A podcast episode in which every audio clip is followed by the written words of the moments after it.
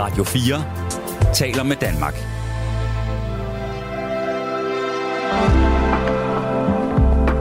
Velkommen til Nattevagten. God aften og velkommen til Nattevagten. Mit navn er Rebecca Nesheim, og jeg øh, er aftens vikar, og det har jeg glædet mig helt vildt meget til.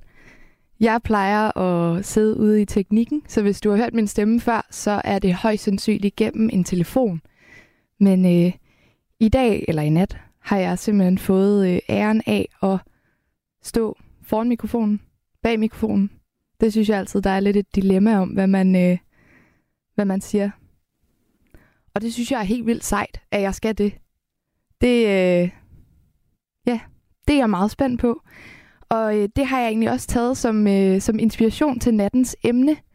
Jeg synes, at i nat skal vi bruge de næste, den næste 1 time og 59 minutter på at prale helt vildt meget af os selv. Så øh, hvis du har noget at prale af, som du måske ikke... Sådan et eller andet, du går og skjuler lidt på, eller et eller andet, du er lidt i tvivl om er sejt at sige højt, eller om og er det lidt for meget at sige højt? Er det sådan lidt jantelovsagtigt? I nat er der ikke noget, der hedder janteloven. I nat må du være lige så god, som du er til det, du har lyst til at ringe ind og fortælle om.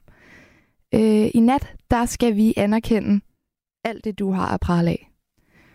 Så hvis du har noget at prale af, hvis du har et eller andet, som øh, du synes er mega sejt, at du har gjort og opnået, eller som du gør nu, så må du mega gerne ringe ind til øh, søde Clara Møller, der sidder ude i teknikken i nat, på 72 30 44 44. Og hvis du ikke lige er helt klar på at, øh, at ringe ind, så kan du også smide en sms til 1424. Så, øh, så vil jeg prøve at læse så mange af de sms'er op som muligt. Men jeg vil foretrække, at du ringer ind, fordi ellers så er det mig, der skal stå og snakke i to timer. Og jeg vil meget hellere snakke med jer. Øhm, til at starte med, fordi jeg stod lige og snakkede lidt med Clara op til programmet om at prale, og så spurgte, hun, øh, så spurgte hun mig, om jeg havde noget at prale af. Og allerede der, så kunne jeg mærke, at jeg blev sådan lidt, uh, jeg fik lidt ondt i maven, og jeg blev lidt rød i hovedet, og jeg tænkte, men altså det har jeg måske nok, men, men selvom Clara spurgte mig ind til, altså direkte opfordrede mig til at prale noget, fordi jeg også selv har valgt det som nattens emne, så synes jeg, det var vildt svært. Og jeg synes, det var, øh, det, ja, det, det føltes helt forkert. Og så blev det sådan lidt sådan noget underspillet. Nå, jamen, jeg har også jeg har det prøvet det her, men øhm, ja, det, var, det var måske ikke så sejt. Men nu vil jeg prale mega meget af mig selv. Jeg tror, at noget af det sejeste, jeg i hvert fald lige nu kan komme i tanke om, jeg har gjort, for jeg har jo sikkert gjort helt vildt mange seje ting, det, øhm, det er, at jeg har bestedet et bjerg. Det er ikke verdens højeste bjerg. Det er faktisk øh, Nordafrikas højeste bjerg. Hvilket øh, siger noget om, at altså, det synes jeg er sejt, men det lyder jo ikke så sejt, når det er, sådan, det er, en, det er en lille dels højeste bjerg. Men det var et ret højt bjerg. Øh, og det var noget, jeg ikke havde trænet op til, og det var noget, alle de andre skulle gøre på min højskole, og jeg tænkte egentlig, at, at det ville jeg nok ikke, øh, ikke kunne. Men så gjorde jeg det, og jeg gjorde det med støtte fra alle andre, og jeg synes, det er mega sejt, og vi skal ikke snakke om, hvor hårdt jeg synes, det var undervejs, og jeg flere gange lidt var ved at give op, og jeg også gik lidt i stå på det der bjerg, om at bruge et, et meget fysisk, altså reelt skub i ryggen, øh, for at komme videre op. Men, men den del, det er slet ikke det, der fylder nu, fordi lige nu, der synes jeg bare, at det var mega sejt, at jeg rent faktisk kom op på det bjerg. Så det var mig, der skulle prale lidt der. Og jeg har også bedt øh, Clara om at tænke over, hvad hun vil prale om, fordi så kommer hun også ind og snakker lidt om det senere. Men øh, Nattens emne, det er at prale, og så vil jeg forsøge at give dig alt den anerkendelse, du har fortjent for det, du nu har lyst til at prale om. Så ring ind til mig på 72 30 44 44, så, øh, så sender Clara dig igennem til mig. Og ellers så send en sms på 1424. Og jeg har øh, bedt Clara om at improvisere lidt med en lækker playliste, så jeg ved ikke rigtig, hvad der øh, kommer på nu, men jeg glæder mig. Så Clara, hvis du bare sætter det første musiknummer på.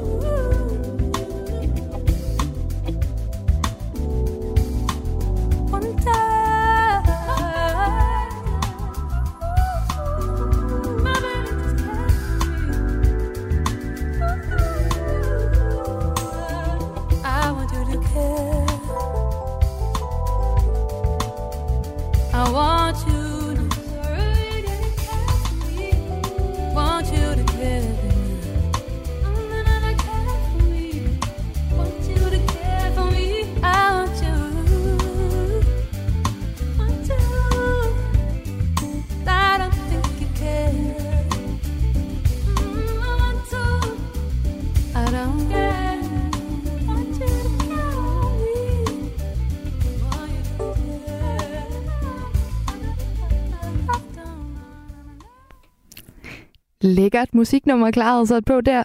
Det var øh, Would You med Mathias Heise Quadril- Quadrillion og Emilie Molsted. Ja, det ord skulle jeg lige lære at, øh, at udtale. Og så har jeg allerede nu fået øh, et par sms'er. Der er en, der har skrevet, Hej, har hørt nattevagten i mange år. Det er sgu et genialt emne. Jeg mener ikke, at det er blevet brugt før. Det ville være lidt nice, hvis det gør det. Øh, for, håber, at det kun kommer til at handle om at prale, og ikke om man må eller ej. Giv den gas, PS, vær dig selv på godt og ondt. Det er det stof, de bedste vagter er lavet af. Venlig hilsen, Tony. Enig, Tony. Vær, der, vær, vær dig selv på godt og ondt. Det, øh, det er vigtigt. Og jeg vil i hvert fald gøre, hvad jeg kan for at holde fast i, øh, i praleemnet. Altså ikke om man må eller ikke må. Og øh, til det, så er der faktisk også en anden, der har skrevet en sms og øh, har skrevet godt emne. Men vi har, vi har det sådan i Norden, at vi lider under janteloven. Og til jer, der lige er øh, trådt til, så har jeg nævnt, at vi i nat skal, øh, skal prale af os selv. Og det skal vi på trods af, at vi har janteloven. Og nu har jeg lige fundet øh, jantelovens 10 bud frem på Wikipedia, fordi jeg kan dem ikke i hovedet. Så, øh, så nu får jeg lige de 10, øh, de 10 jantelovs, de 10 jantelovsbud, som vi skal bryde i nat. 1. Du skal ikke tro, du er noget. 2. Du skal ikke tro, du er lige så meget som os. 3. Du skal ikke tro, du er klogere end os. 4. Du skal ikke bilde dig ind, at du er bedre end os. 5. Du skal ikke tro, at du ved mere end os. 6. Du skal ikke tro, du er mere end os. 7. Du skal ikke tro, at du dur til noget. 8. Du skal ikke le af os. 9. Du skal ikke tro, at nogen bryder sig om dig. 10. Du skal ikke tro, at du kan lære os noget. Det er faktisk virkelig nogle hårde nogen. Og så er der øh, en 11. tilføjelse. Du tror måske ikke, at jeg ved noget om dig. Den tror jeg ikke, jeg forstår. Men, men den står der i hvert fald også. Øhm, ja. Altså, jeg har måske ikke behov for, at vi bryder alle jantelovens 10 bud i nat. Øhm, altså, du behøver, ikke, øh, du behøver ikke ringe ind og le af mig. Det, det har jeg ikke et behov for. Men jeg vil elske, hvis du ringede ind og, øh, og troede, at du var mega meget. Eller ved, at du er mega meget, fordi det er du. Og, øh, og du har gjort et eller andet, som, øh, som du skal prale af. Ring ind på 72 30 44 44, så, øh, så tager Clara telefonen ude i regien. Og lige nu, der vil jeg vildt gerne invitere hende ind i studiet. Så jeg venter lige på, at hun tripper herind. Og tænder for hendes mikrofon. Forhåbentlig den rigtige. Tror jeg. Ja. Hej Clara. Hey. Velkommen tak, i studiet. Komme. Selvfølgelig. Det er lidt sjovt. har du, du har været herinde før, har du ikke det? Jo, jo, men jeg føler, det er stadig vildt. det er meget hyggeligt. På den gode måde. På den gode måde. Ja. Det er det vigtigste. Ja. Clara, pral. Fortæl Okay. alt. Det her, det er sådan en, en lille pralhistorie. Mm. Men det er fordi, jeg synes også, det er vigtigt at kunne prale om de små ting, de der hverdagsting, hvor man sådan, wow, det gjorde jeg bare rigtig godt, det der. Helt vildt vigtigt. Og det er fordi, øhm, når jeg ikke er her på Radio 4, så er jeg også kirkesanger vikar. Ja. Øhm, så jeg tager rundt til alle mulige forskellige kirker om søndagen, og så synger jeg ligesom, hvad der bliver stukket i hånden på mig. Og det går ligesom, det går lidt op og ned med det. Altså, så du får ikke noget forberedelsestid? Jamen, det er fordi, så havde jeg, jeg var blevet lidt overmodig, og jeg havde sad, sagt ja til en rigtig lang gudstjeneste, en gudstjeneste, der hedder De Ni Læsninger, hvor der er ni satser. Mm. Og dem havde jeg så fået tilsendt på mail, men de har også skrevet, at vi øver en øh, halvanden time inden, så du skal bare lige skimme den. Du skal ikke gøre noget vildt øhm, forberedelse inden, så det havde jeg ikke gjort. Jeg havde ligesom bare kigget og sagt, tænkt, ja, det ser fint nok ud. Ja. Der var så lige en sats, jeg ikke kunne åbne, men jeg tænkte, hvad er chancen for, at den er svær? Altså sådan, det er den jo ikke. Den klarer jeg da bare. Øhm, så jeg møder op i kirken, har måske ikke sovet nok, skal til at øve. Øhm, den der halvanden time, inden vi ligesom skal synge ni satser. Øhm, og jeg skal lige sige, at jeg er den eneste sopran den dag, så jeg skal holde min egen stemme. Og jeg kommer ligesom op til året. Kender du dem, du skal synge med? Nej, jeg kender ikke nogen. Altså, jeg Okay. Ja, helt, helt grøn i det, ikke? Kommer op til orlet, og så siger organisten, Hej Clara, er du klar til din solo? Jeg sådan, hvad? Min Det solo? har du heller ikke fået noget at vide om. Det havde jeg ikke fået noget at vide om, og jeg er sådan, ha ha ha, han joker. det kan han ikke mene. Det skriver man da lige. Så sagde han i stedet for, ja ja, altså den tyske solo. Den- ja. Og det skal lige siges, at jeg har ikke haft tysk i skolen. Jeg havde fransk. Jeg kan overhovedet ikke tysk. Men var det, det var slet ikke en del af, af det materiale, du fik udleveret? Alt det, Det der? er så den ene øh, Nå, noget, jeg ikke kunne åbne, hvor jeg tænker, "Pst, hvor svært kan den være? Og den er bare, altså sådan, den er tre sider lang, og det er helt tæt pakket noder. Det er 16. del, det går dik, dik, dik, dik, dik, dik, og det er bare tysk, der af. Og det er helt op på det høje C fra morgenstunden, og jeg tænker, nej! og han tænker, altså han, han er bare sådan, du læser den bare på bladet, klar. Ja. Selvfølgelig. Og så bliver jeg bare smidt ud i det, og jeg tænker, no, no, no, no, no. Og jeg står der og pipper sådan, "Øh, øh, øh, et, et eller andet, jeg kan ikke tysk. Og det går så dårligt, indtil at vi ligesom, altså sådan, jeg er virkelig, jeg er virkelig på, ude på dybt vand her. Og Var jeg det skal, under øveren, eller var koncerten startet der? det var under øveren, gudskelov. okay, okay. Wow. Og heldigvis kom jeg til den øver, og jeg var ikke fra arrogant til at lade være med møde op. Men heldigvis har vi en time, og vi får øvet den igennem, og det ender med, at jeg så godt kan synge den her tyske sopransolo søndag kl. 10 om morgenen. og jeg nailer den bare virkelig, synes jeg. Altså, jeg synes, det går helt vildt godt, og den passer gudskelov virkelig godt til min stemme, og jeg får komplimenter bagefter, og det gik bare, selvom jeg var vildt uforberedt. Og moralen er ikke særlig god, at man godt kan slippe afsted med ikke at forberede sig, men jeg synes Jo, jo. bare, at det var så nice at kunne gøre det rigtig godt. Det er og da bare også sådan mega sejt. tilbage og tro på, at man godt kunne. Det er da så sejt. Ja. Det er da virkelig meget at, at hvile i sig selv og hvile i sit eget talent. Tak. Så sejt. Det var min pralhistorie. Det synes jeg var en god pralehistorie. Men jeg forstår stadig, altså, når man er det som vikar, er det så sådan hver søndag, at så møder du op og får måske en øh, tysk sang, som du skal synge solo på? Ja, altså jeg var, jeg var ret uheldig lige der. Okay. Det er meget tit bare en salme, man kender. Eller jeg kender, fordi jeg har været kirkesanger i mange år. Så derfor kan jeg tit ligesom bare møde op og så tage den lidt sådan. Tage det, som det kommer. Lige der var jeg ret uheldig. Okay. Og så nu har jeg ligesom lært min lektie, så jeg, så jeg tjekker altid lige op på, hvad det er. Bare for en sikkerheds skyld, fordi det er rart at vide, hvad man møder op til. Så jeg skriver altid lige, hey, hvad skal vi synge på søndag? og så svarer de, nå, dejligt du spørger, her kommer... Så er det en eller anden salme, jeg kender. Gudskelov og ikke noget på tysk. Perfekt.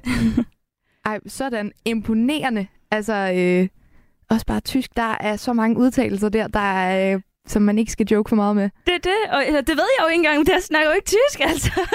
jeg ved ikke, Om det er der. Altså, okay. Det, det er så svært at udtale tysk ja. ord. Jeg havde øh, tysk i både folkeskolen og gymnasiet, og intet har hængt fast.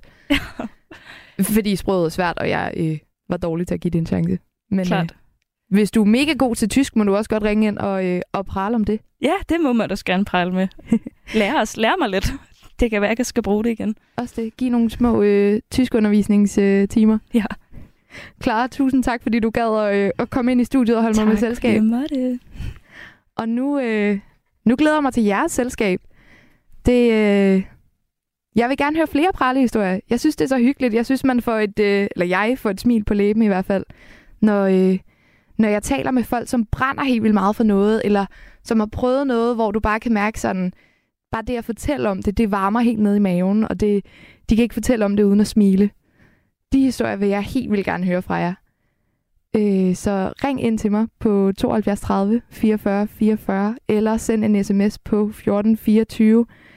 Jeg, øh, jeg prøver lige at øh, læse lidt igennem sms'erne. Det er det der med lige at, at sådan skulle øh, læse dem samtidig med, at man snakker. Det, det øh, udfordrer mine multitaskings øh, evner lidt, men, øh, men vi prøver. Der er en, der har skrevet, Hej Rebecca og velkommen bag mikrofonen. Jeg vil påstå, at jeg er en af, hvis ikke den bedste lastbilchauffør i Danmark. Sådan. Mindst. Og så er jeg helt sikkert den, der har skrevet kys og kærlighed flest gange i nettevagten. Kys og kærlighed fra ormen A.K.A. Pius Pius mand. Det, øh, det er jo mega sejt at kunne prale det. Også fordi der er virkelig mange lastbilchauffører i Danmark. Og der altså jeg vil sige, jeg har altså også kørt øh, bag nogle motorvejen, der ikke kørt særlig godt, så jeg synes, det er skønt, at du, øh, at du tænker, at du er den bedste lastbilchauffør. Det er noget af det, jeg også jeg synes er helt vildt intimiderende. Hver gang jeg ser nogen, der kører, øh, der kører lastbil og skal bakke dem ind på parkeringspladser, eller altså bare generelt manøvrere med de der lastbiler, det, øh, Puha, det, det tør jeg slet ikke bevæge mig ud i. Det har jeg virkelig respekt for. Det synes jeg generelt bare folk, der kører lastbil, det synes jeg er mega sejt, at, øh, at man kan det.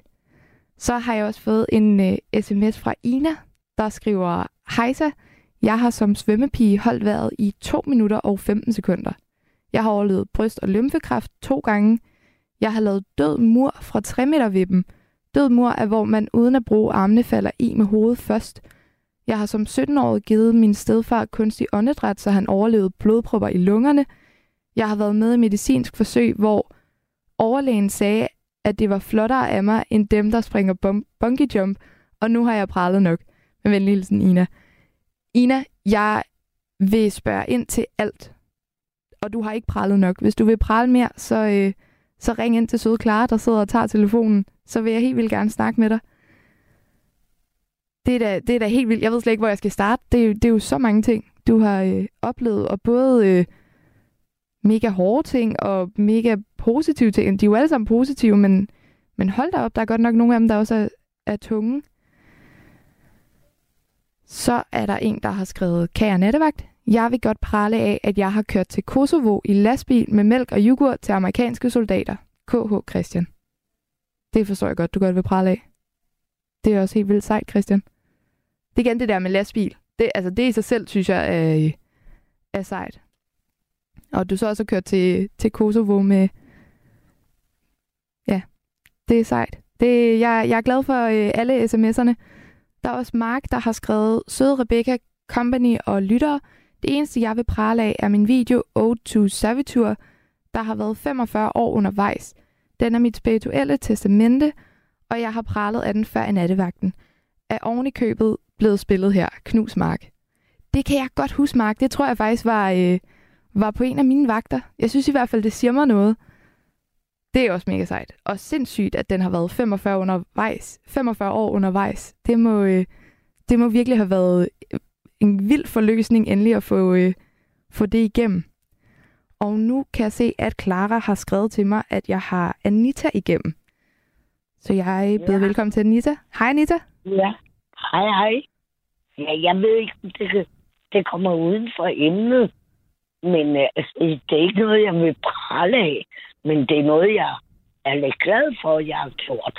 Ja. Øh, da jeg var 21-22 år, der var jeg spejderleder i KFUK på Nørrebro. Okay. Hvor der, det var i 60'erne, øh, der var der mange, der ikke... Var mange af de små piger, øh, der havde et forfærdeligt hjem. Og øh, når jeg havde dem med på tur, øh, så havde jeg gerne ekstra madpakker med, fordi jeg vidste, at de havde ikke noget. Ej, hvor du øh, og så senere i mit liv, der mødte jeg først en kvinde, øh, der ringede ind til en radio netop, og fortalte, at om lørdag og søndag, hun var, invalid, hun var invalid og skulle lægges i seng. Og så om sommeren, så var, havde det så travlt, at hun nogle gange blev lagt i seng klokken 5 om eftermiddagen. Og så ringede jeg til radioen og fik så hendes nummer. Og så sagde jeg til hende, jeg kommer mellem klokken 9 og 10 om søndagen og ligger der i seng. Og så kan du godt sige farvel til dem, at de skal komme om søndagen. Ej, hvor Og fint. så, så har jeg hjulpet to enlige kvinder, der var helt alene i verden. Deres mænd var gået bort, og de havde ikke nogen. Og ja, dem hjalp jeg det, jeg kunne, øh, til det døde. Øh, Det vil sige, øh, til jul. Hvis jeg lavede en lav på steg, så kørte jeg hen til dem med, en, en, med noget hjemmelavet lav på steg, eller frikadeller, eller om sommeren kom jeg med en is til dem en gang imellem, og de lå i sengen og kunne ikke noget. Men det er ikke noget, det er ikke noget, jeg vil prale af. Det er noget, jeg er glad for, at jeg har gjort i mit liv. Jamen, så, så vil jeg øh, lægge op til, at du skal prale lidt mere, for jeg vil gerne høre mere om... Øh, som jeg forstod det, så har du nævnt tre ting, ikke? Er det rigtigt? Ja. Øh, Så jeg vil, jeg vil vildt gerne spørge ind til alle tre ting. Men, Ja. øh, men, men jeg vil gerne starte tilbage der med, med KFUK. At du, Ja. var, du var leder der i et par 20 år. Ja, nej, jeg var et par 20 år, Når du var et par da 20 jeg ah, var le- leder selvfølgelig. Øh, og øh, øh, for eksempel en gang, ja, det var sjovt nok, en gang, der, jeg har ikke nogen orienteringssats, men alligevel, så tog jeg de piger med ud i Harskoven. Og så aftalte jeg med min mor og far, at vi skulle mødes ved bøndernes egen. Og så skulle mine forældre komme med æbleskiver og saftevand til mig. Men Startede du selv i, i KFUK, før du blev leder? Ja, ja, ja, ja. Jeg var, men jeg var i KFUK fra jeg var ni år. Okay. Så der har du, været, det har, har du været med i, i mange år. Ja, ja. Hvordan var det at gå fra at være... Hvad, hvad, er, det, er man så, så er man medlem, når man er yngre, og så bliver man leder? Nej, det, det kan jeg sandelig ikke. Jeg er 80 år nu. Nej, jeg, jeg blev leder, fordi jeg interesserede mig for de små piger i 60'erne. Der var på Nørrebro, der var altså trangekår Det er for mange selv, mennesker. det er i sig selv er det også jeg noget havde overskud. Og jeg havde overskud, og, og øh, de små piger, jamen øh, enten så drak deres forældre for sig samling, eller, eller de havde hverken det ene eller det andet. Om vinteren, en vinter, der skulle jeg med på tur. Jamen, der var fire af dem, der ikke engang havde vanter på. Fordi det, det havde de bare ikke med hjemmefra, eller hvad? Nej, det var der ikke. Det tænkte forældrene ikke på. Er det noget, Og- øhm, er det noget, du har kunne genkende i dit eget hjem? Altså er det noget, du har taget med dig hjemmefra? Nej, nej, nej, nej. Jeg, jeg, jeg har været forgyldt. Hvor tror du, den omsorg kom fra? Altså den, den omsorg, du ligesom selv har, øh, har taget med i det?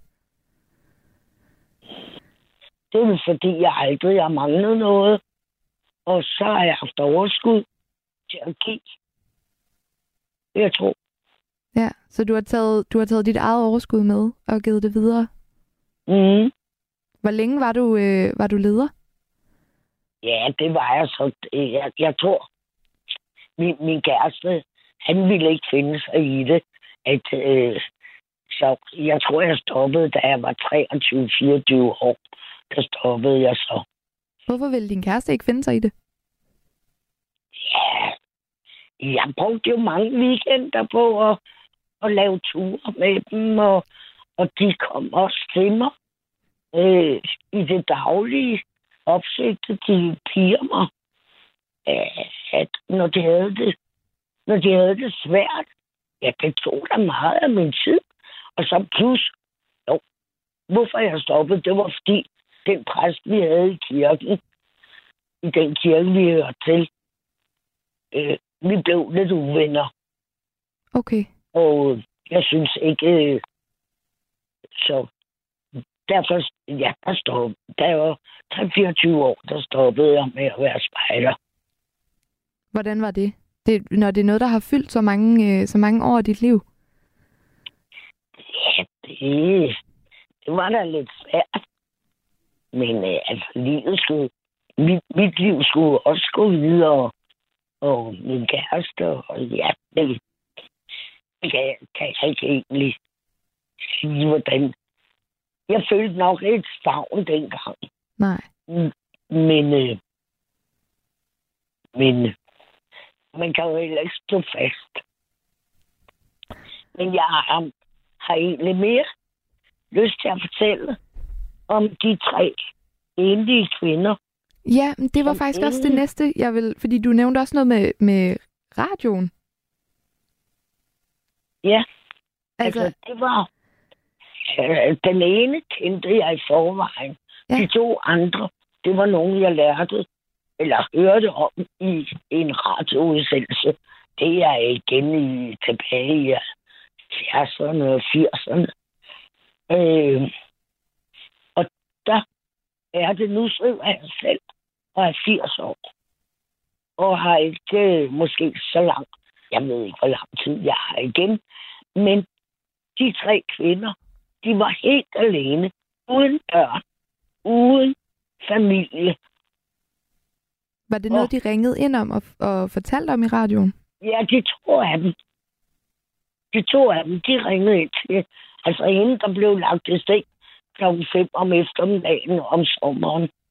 Og så inden den anden, hun var kommunist, og hende og hendes mand, de havde, hendes mand havde haft et, et, et, højt i, i kommunismen. Og øh, da han døde, der slog alle deres kammerater hånden af hende. Så hun var helt alene. Hold op. Og øh, øh, nu er det ikke, fordi jeg bryder mig om de der kommunister dengang. Øh, det, det, det, men det ville jeg ikke bedømme hende på. Men hun havde brug for noget hjælp og noget. Og, og der hjalp jeg hende. Øh, ja, hun var en dum kælling, det må jeg indrømme. Men altså, skidt nu med det. Nå, hvor, hvor, Øh, hvordan var hun det? Ja, det, det, hun, ja, det var hun bare. Altså, hun ville ikke inde. Altså, hun, hun kædede sig over, at hun ikke kunne blive vasket. Og det var, fordi hun lå i en seng, som hende og hendes mand havde ligget i. Men da hjemmeplejeren kom og sagde, jamen hvis du skal vaskes, så skal vi have en seng, hvor vi kan øh, høre dig lidt op, så vi kan komme. Nej, det ville hun ikke. Og så sagde jeg til hende, jamen så er det jo din egen skyld, du ikke bliver vasket. Du har ikke forklaret, at hjemmeplejen, det skal stå og bukser ned over dig, og ikke kan komme til at vaske dig. Så hvis ikke du vil have sådan en ting, som de siger, og så videre, der, der havde jeg så et møde med, med hjemmeplejen også, sammen med hende, ikke? og så videre.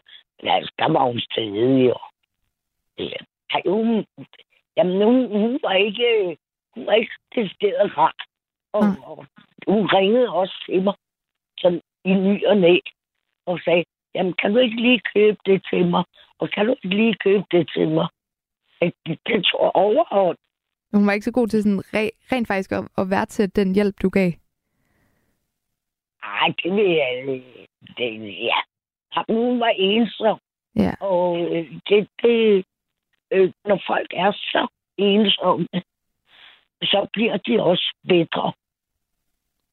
Hvornår var det, du sagde det her var, Anita? Ja, og min datter var 12-13 år, da hun døde. Min datter er 50 i dag. Så det er jo mange år siden. Og hvem, Men øh, hvem var de andre kvinder? ja, de var også ensomme, og havde ikke nogen familie eller venner omkring sig. Var det er samtidig? så forfærdeligt. Det er så forfærdeligt, at, at mennesker de skal dø så ensomme. Det er rigtig tragisk, synes jeg. Det vil jeg give dig ret i. Men nogle, mange gange er de jo lidt, måske selv lidt udenom det. Fordi de, men ensomheden, jeg ved ikke, om det er deres ensomhed, der gør, at de bliver sådan lidt ondskabsfulde eller bedre. Øh, nej, jeg vil hellere kalde det bedre, det bliver bedre over tilværelsen, ikke? Fordi det er jo forfærdeligt at være ensom. Og det er der jo desværre mange mennesker i Danmark per. Ja. Tror jeg. Det, det, det tror jeg, du har ret i. Det synes jeg også, der er blevet, altså, der er, at man har hørt mere og mere om, at, øh, at ensomhed fylder meget. Der er vel også en eller anden Ja. form for, altså noget af det, du fortæller med, at hun insisterede på ikke at skulle have den seng, så der er også en eller anden form for, øh, for stedighed indover. Ja, ja, ja, ja, det, det er netop rigtigt. Ja, det er der da. Men øh, det ved Havsa. Så tror jeg, øh, vi blev ramt af, øh, af forbandelsen, at telefonlinjen blev, blev afbrudt. Men jeg kan se, at Clara hun er hurtig på tasterne. Så, øh, så jeg tror, der går et lille øjeblik, så har vi nok Anita på, øh, på igen. Der er en sms, der har skrevet, øh, folk, der fremhæver og praler af sig selv, opfatter vi som selvglade, og det giver man ikke, gider man ikke høre på. Og det er rigtigt. Det, øh, det er nok sådan, vi opfatter men hvorfor gør vi egentlig det? Altså, jeg kan godt, jeg skal, jeg skal heller ikke spille heldig. Jeg har da også snakket med nogen en gang imellem, hvor jeg har tænkt, nu må du godt lade være at snakke så meget om dig selv, og nu må du gerne spørge lidt mere ind til mig, men, men det skal jo ikke fjerne glæden ved at dele noget, man har oplevet, eller dele noget, man som fylder i ens liv.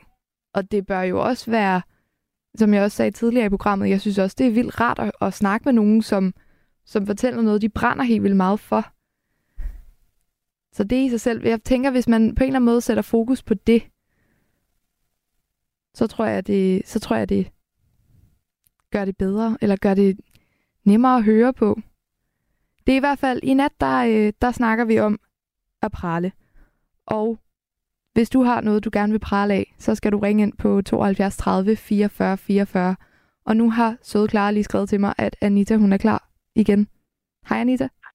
Ja, ja. Hej. Det er så Ja, typisk vi- med den afbrydelse. Ja, jamen, det sker jo hver. At det går ned på et eller andet tidspunkt. Så det er. Jamen, det er jo... øh, Nu... Jeg, altså...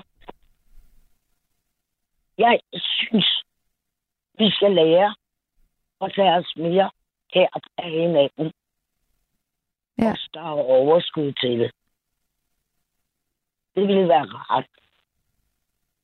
Det vil jeg give dig Nu ret i. bor jeg et sted, hvor jeg er kendt som en rød hund, fordi jeg har en lille hund. Og øh, vi går ture og så videre, så alle folk kender mig. Og øh, når jeg går tur, ja, jeg har masser af venner omkring mig. Og det, det er nok det, der betyder mest. Og det er folk, der er ensomme. Øh, Ja, jeg har så ondt af dem. Ja. Det er slet ikke sjovt, tror jeg ikke. Og jeg tror, når, hvis man er ensom, så bliver man nemt måske lidt bedre på hele tilværelsen. Men øh, det, det, det, ja, jeg ved ikke. Men De- det, De kvinder, det du fortalte om, var. Jamen, jeg, har, jeg har lige et sidste spørgsmål til, øh, til kvinderne. Fordi nu sagde du det med, med ensomhed. Var det, altså, var det samtidig, du, du hjalp dem alle sammen, eller var det... Nej, nej, nej, Nej. nej. Det var over, det var over 20, 15-20 år. Nej, nej, det var ikke samtidig. Nej, nej. Okay, Det var over, ja, det var over 15 år. okay. Jamen, fordi ellers så, så er det jo sådan noget, hvor der måske kunne have været en idé i, at det kunne have været hyggeligt at sætte dem sammen, og så kunne de hjælpe hinanden, men...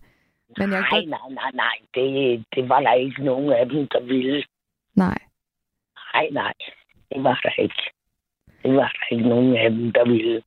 Nej, det er nogle, det er nogle tragiske mennesker. Ja. Øh, og, øh, og det er synd for dem. Men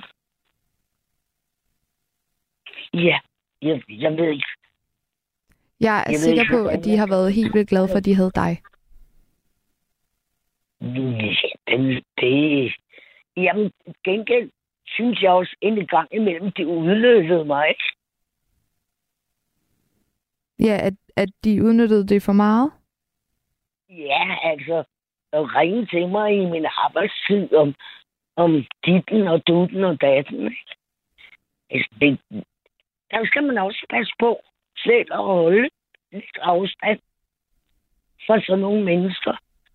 Hvis, øh, hvis de bliver for krævende.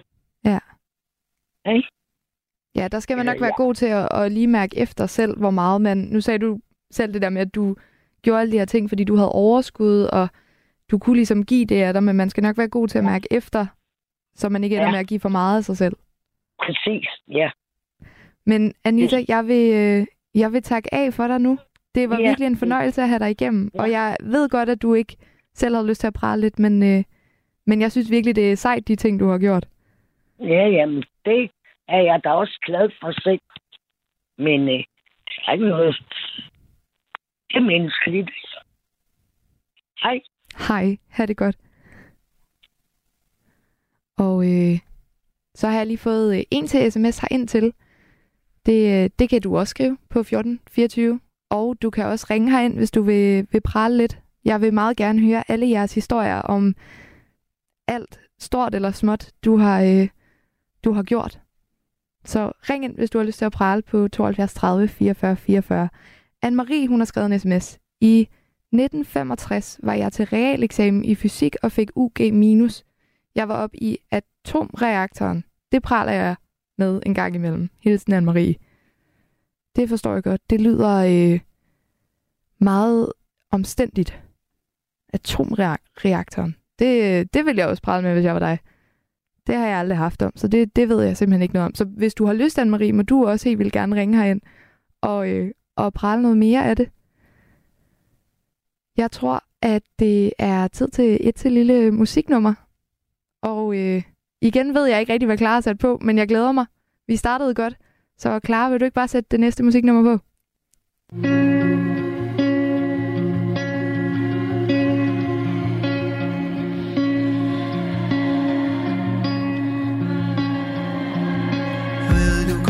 Der er noget galt med dig? Spørger jeg, men du vender om og går din vej.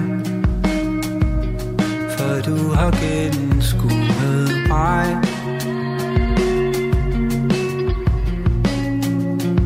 Jeg giver det lille fint til i sit dask Så knuser jeg et enkelt lille bitte glas. Mod siderne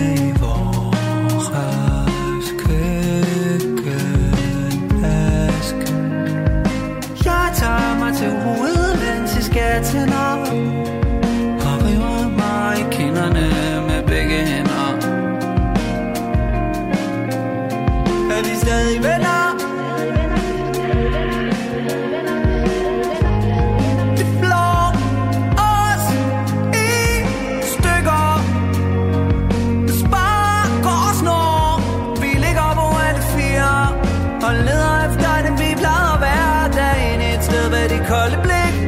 Jeg ved, hvem du er, men jeg kender dig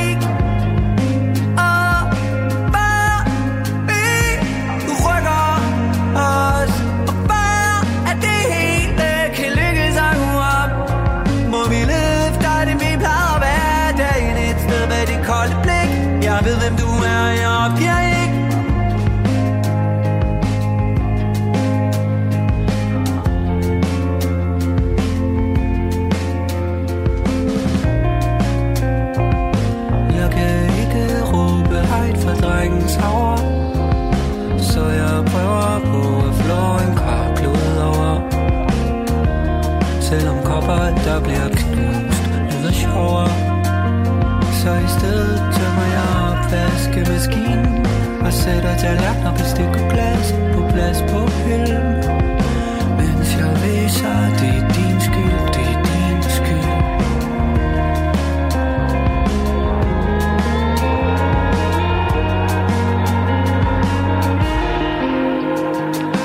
Og jeg river vores ugeplaner ned Men undgår at beskadige gulvet og vægge i vores lejlighed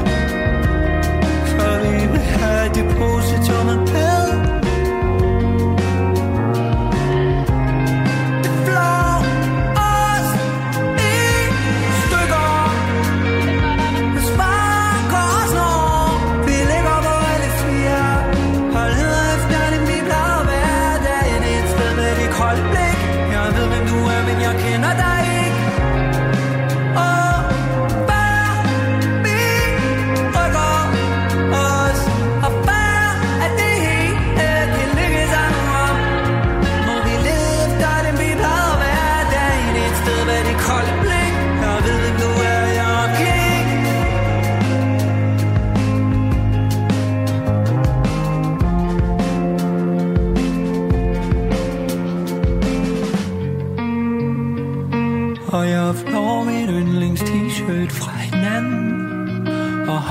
hinanden i mit bryst ni gang med stempelkant så det vælter ud med kaffegrums og koldt vand.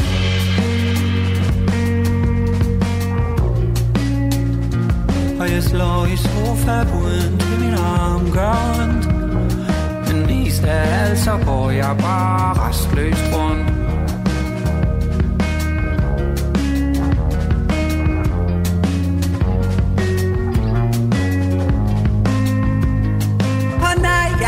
Jeg kender ikke det, du siger. Det er egentlig utroligt, at vi stadig er her. Kan du klare mere?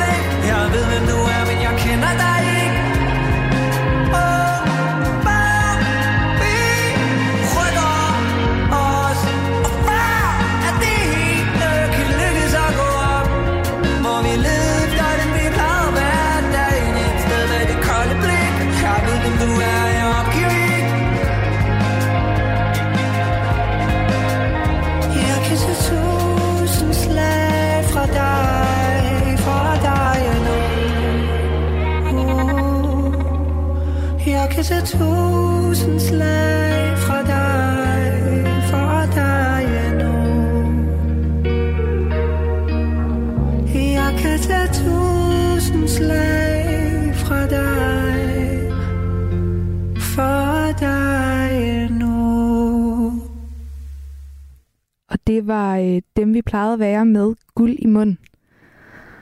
Så har vi fået øh, nogle flere sms'er. Der er Lenny, der har skrevet, jeg kom på femtepladsen til DM i standarddans for hold, da jeg var 8 år i 1974. Sådan. Det må du helt vildt gerne ringe ind og, øh, og fortælle mig om. Det vil jeg gerne spørge noget mere ind til. Men før jeg øh, snakker med dig, skulle jeg til at sige, så snakker jeg med, øh, med Christian, som kørte lastbil til Kosovo med yoghurt og mælk til de amerikanske soldater. Er det rigtigt, Christian? Det er rigtigt, ja. Hej, velkommen til. Hej, og tak skal du have. Hvornår gjorde du det? Det var i 1999. Okay. Og nu må du lige... Øh, jeg, Det var øh, lige efter krigen, den var, den var sluttet ned. Det var jo krig dernede. Nå ja, selvfølgelig. Jamen, det var det, jeg lige skulle til at spørge dig om. At du, du måtte lige genopfriske for mig, fordi jeg var øh, lidt dårlig til historie. Ja. Jamen, der var det, det krigen, var, den, den var slut dernede. Okay. Og, men det var jo nogle amerikanske baser dernede stadigvæk. Militære baser. Og de fik alt deres, alle deres mejeriprodukter, dem fik de fra Arla. Nå, Og dem selvfølgelig. kørte, kørte jeg ned med. Og var det bare en, en del af, øh, af jobbet? Nu skal du køre til Tyskland, men i ja, dag skal du køre til del, Det Kosovo. var bare en del af det, ja. Hold da op. Det må da også have været underligt for dig at få sådan Og en det var jo en lang opgave. tur. Ja. Først så kørte jeg ned til Italien. Helt ned til Ancona nede i Italien. Og så sejlede jeg fra Ancona til Grækenland. Okay. Og så skulle jeg lige ind til Athen og og læse lidt af i Athen. I hovedstaden i Grækenland. Og så kørte jeg ellers op igennem øh, Grækenland op til Makedonien og op til Kosovo. Så det var en, en speciel tur. Var den anderledes end, øh, end de andre ture? Altså nu, nu ved jeg ikke, for det hvordan var sådan sådan lidt, det var noget bjergkørsel og sådan noget dernede jo. Der kører du lidt i bjerg, så det er, lidt, det er nogle udfordringer i det. Ja. Og hvordan var det, da du så kom derned? Jamen, det var fint. Det var mig, og der blev du...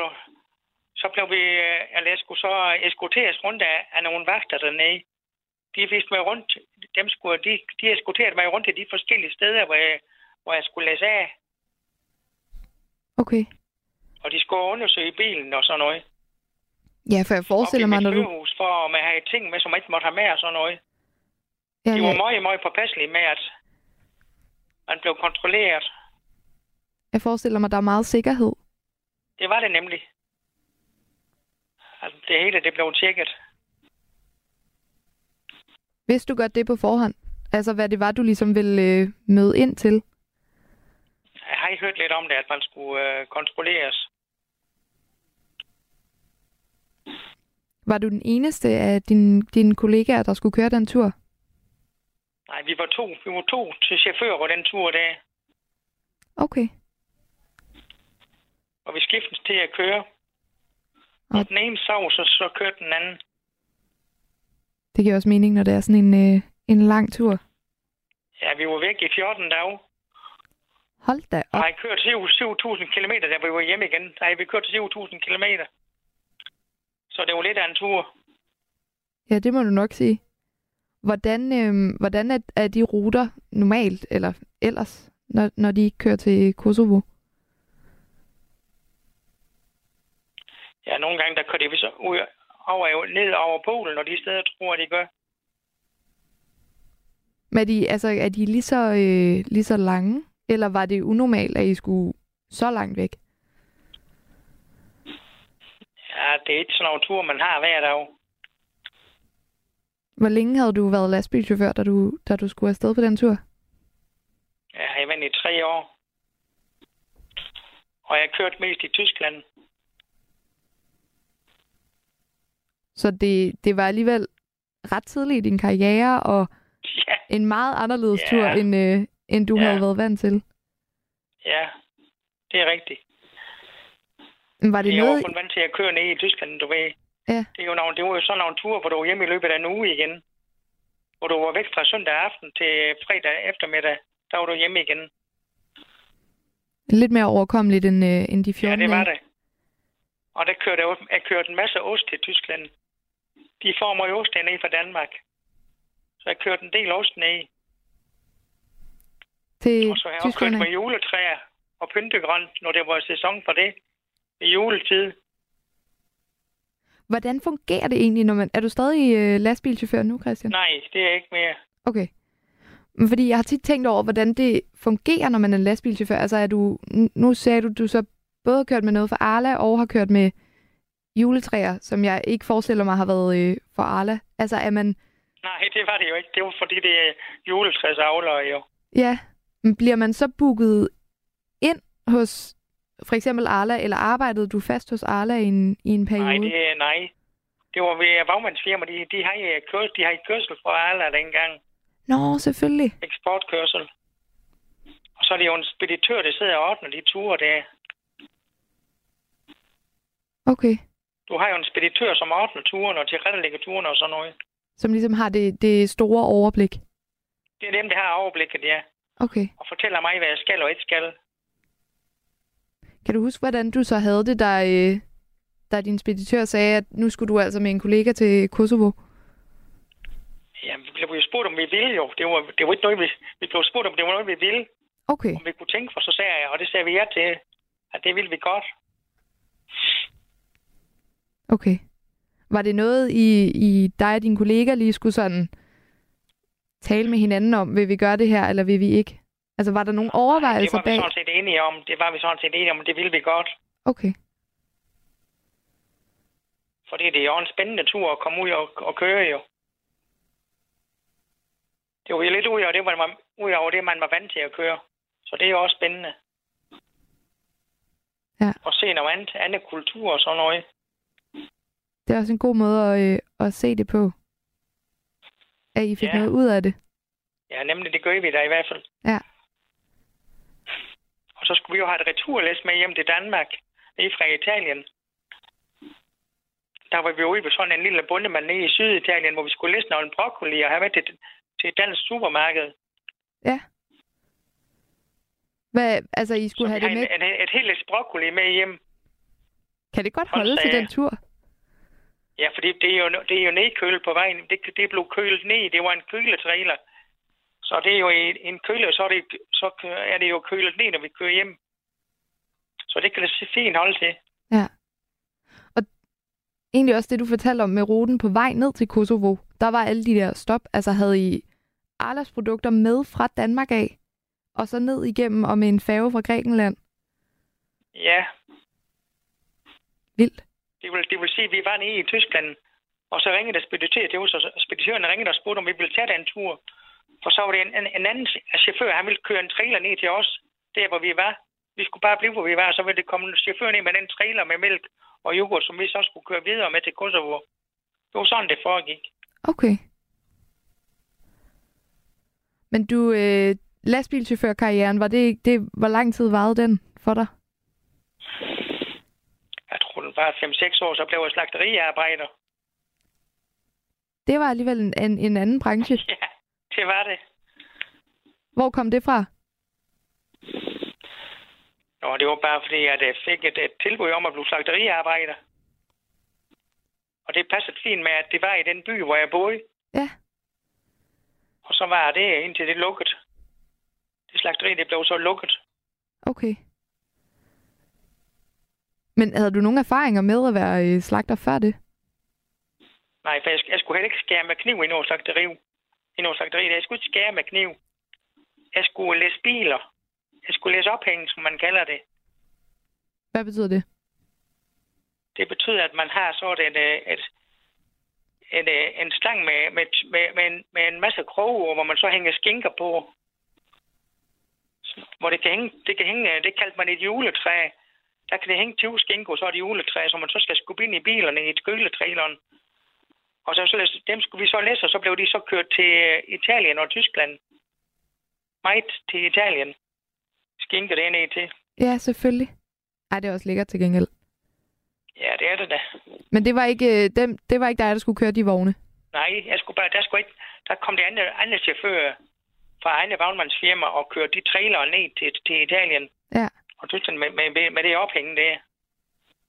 Hvordan var, øh, hvordan var det at arbejde på et slagteri sammenlignet med at være lastbilchauffør? Altså, jeg ved godt, der er stor forskel i det, men, men bare sådan... Ja, Ja, det var jo den fordel, at du var hjemme hver dag. Det er du jo i en lastbil. Der sov du i din bil jo. Der er du jo væk en uge til 14 dage ad gang, og sover i bilen. ja. På slagt, og når du er over slagteri, så kommer du jo hjem til fyraften hver dag. Så det var jo dejligt. Sover man i... Og, løn, og lønnen, den var jo lige så god som at, at køre lastbil. Nå, okay. Man har jo en god løn på et slagteri. Er det rigtigt? Altså sådan ekstraordinært god? Den er i hvert fald bedre end de fleste lønninger. Men jeg tænker også, hvis den er, den er lige så god som at køre lastbil, det, altså jeg siger ikke, at arbejde på et slagteri ikke kræver noget, men, men det er jo, som du selv siger, det er meget at være afsted hjemmefra Jamen, i det er fordi, 14 det er kort- dage det er og så kort arbejde på slagterier. Hvad det er sagde du? kort arbejde. Kort arbejde? Akkord arbejde på slagteri, der er, du arbejder på akkord, Nå, og så tjener du noget mere jo. okay. Du har i hvert fald en årsløn af over 300.000 om året dengang. Jeg var det. Hold da op. I dag er det sikkert mere. Så det er jo en god løn, man har i dengang. Ja, det må man sige. Det, øh... Men det, der, der fortsatte du ikke i mange år? Eller hvad? Eller, længe jeg blev der? det, det, blev, øh, det blev jo lukket, det slagteri. ja, nå ja, det er rigtigt, det sagde du godt. Ja. Fortsatte du så slagter, slagterkarrieren? Slagterikarrieren? Nej, jeg blev, så blev syg. Jeg fik en blodprop i hjernen og blev syg. Så nu, nu er jeg førtidspensionist. Hold da op.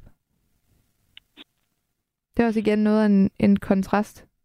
Ja, det er det godt nok. Men det lærer man jo også at leve med. Ja.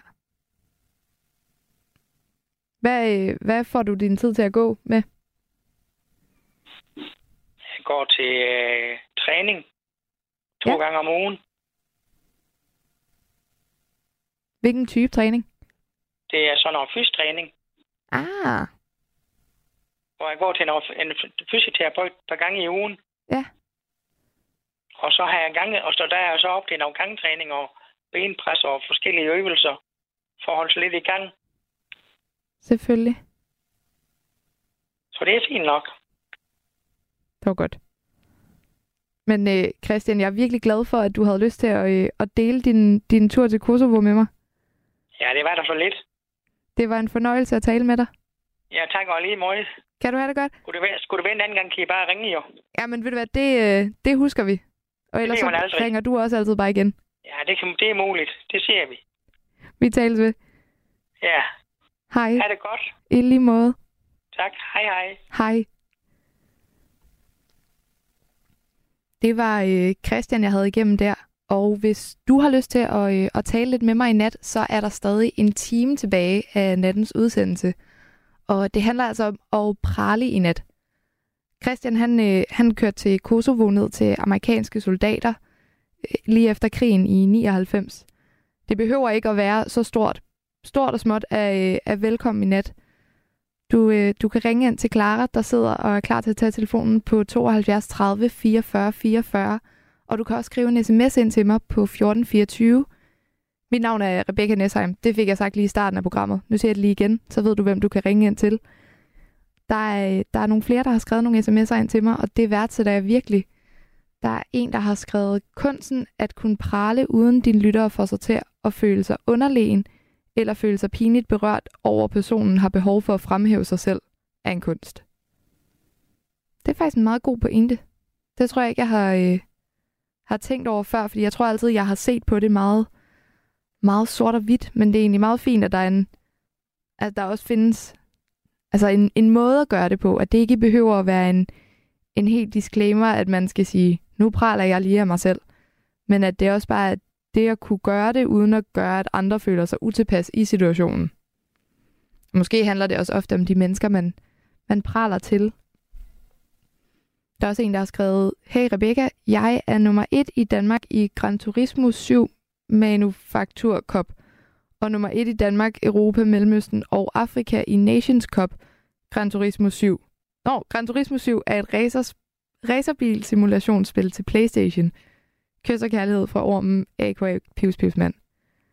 Du har så meget at prale af i nat, og det var ikke negativt ment. Det er kun positivt. Det er mega fedt. Og det er mega fedt, at du skriver ind, og du må mega gerne også ringe ind, for jeg vil virkelig gerne øh, snakke om det. Også, jeg er glad for, at du lige lavede en disclaimer om, hvad det er, fordi jeg forstod heller ikke lige helt, hvad det er. Men det der helt vildt sejt, der er der virkelig også mange, der spiller sådan nogle øh, simulationsspil til Playstation, er der ikke det?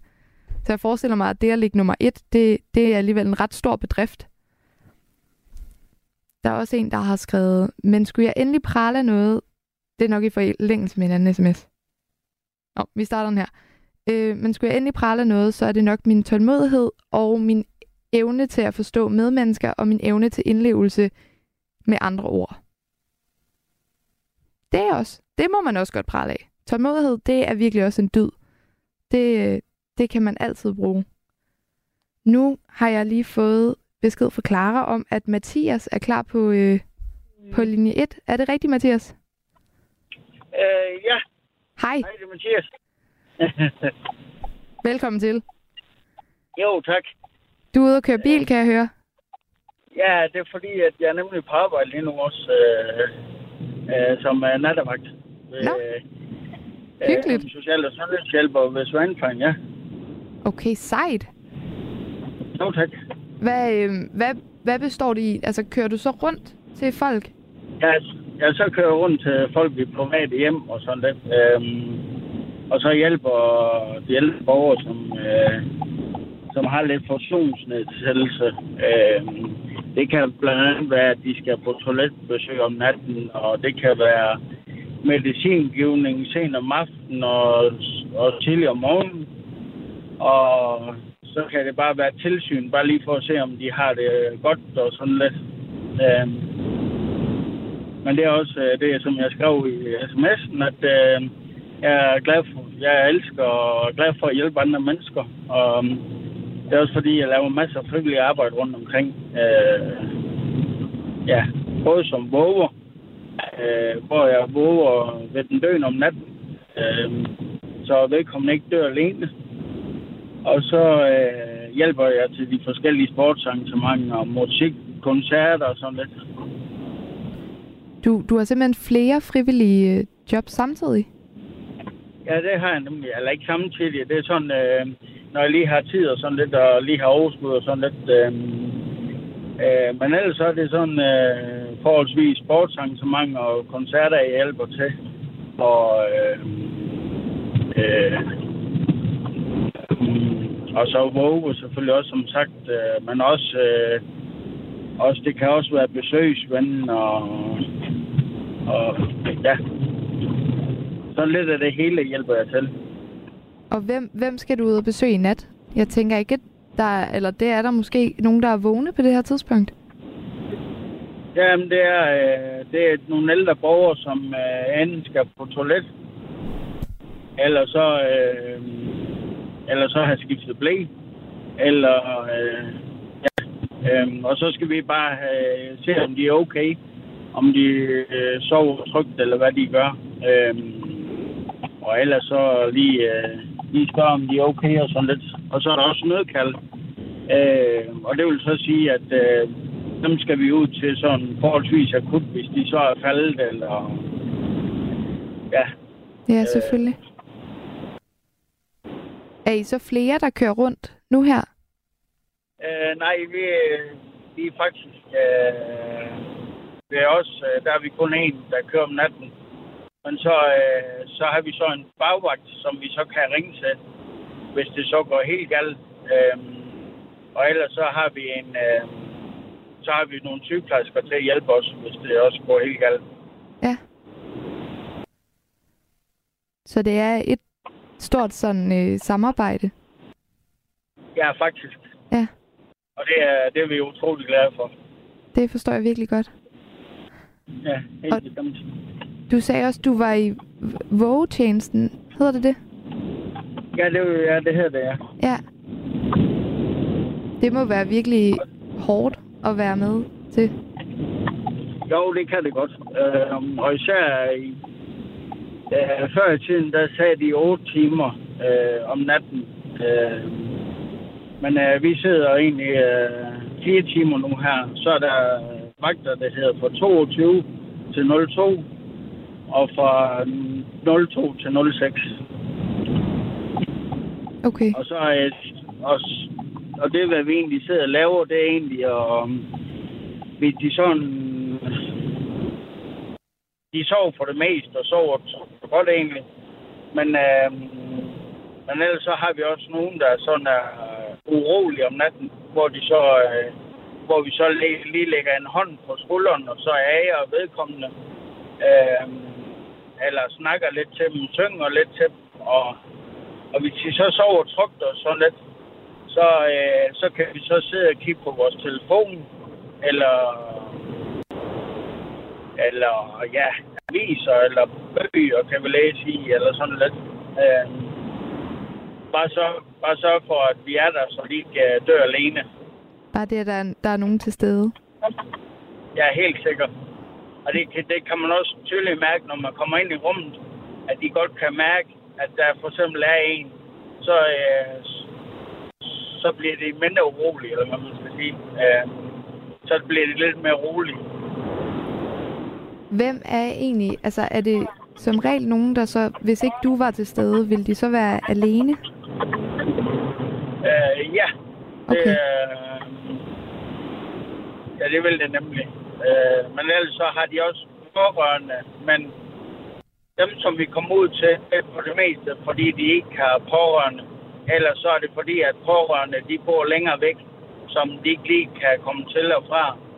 Også fordi, at vi aflaster pårørende. Øh, fordi det er jo, øh, det er jo også, hvad skal man sige, 24-7 arbejde for dem at passe på øh, sin kære, eller ja. Ja. Hvordan kom du ind i, i det fag? Jamen det er, at øh, det er egentlig, jeg startede, jeg, jeg blev uddannet i, som social- og sundhedshjælper i 2018. Og så, øh, så et par år efter, så, øh, så, så, så har jeg så hørt, at der find, fandtes det der vågetjeneste, øh, hvor man så sidder ved den døende, og så de ikke dør alene. Og jeg synes altid, det har været forfærdeligt, at øh, folk de skulle dø alene. Øhm, og så da jeg så hørte om det, så, øh, så tænkte jeg, nej, så vil jeg øh, melde mig til med det samme. Og øhm, ja, og så kom jeg egentlig ind i det. Øhm, og så har jeg sådan, øh, når jeg så har i kø som social- og sundhedshjælper, der kører vi sådan øh, syv nattevagter, og så har vi så syv dages fri. Og så i de der syv dages fri, der, der kan jeg så tage en eller to vagter som vågevagt. Altså i, i din fridag? Ja, i min fridag, ja. Fordi det selvfølgelig er, det er frivilligt arbejde. Ja, det er det nemlig. Og det andet er så Wow. lønnet arbejde. Øh, Men så er det andet, så det der vågevagt, det er så frivilligt. Øh, og det synes jeg, det er fantastisk, at der findes noget som det, at både at man er for den, ved den døende, så de ikke dør alene, men også at man aflaster familien, så de er, så de er frisk opladt, eller hvad man skal sige, øh, sådan nogenlunde øh, frisk øh, dagen efter. Ja. Hvad, jeg forestiller mig bare, at det også kræver helt vildt meget af dig at være i sådan en situation.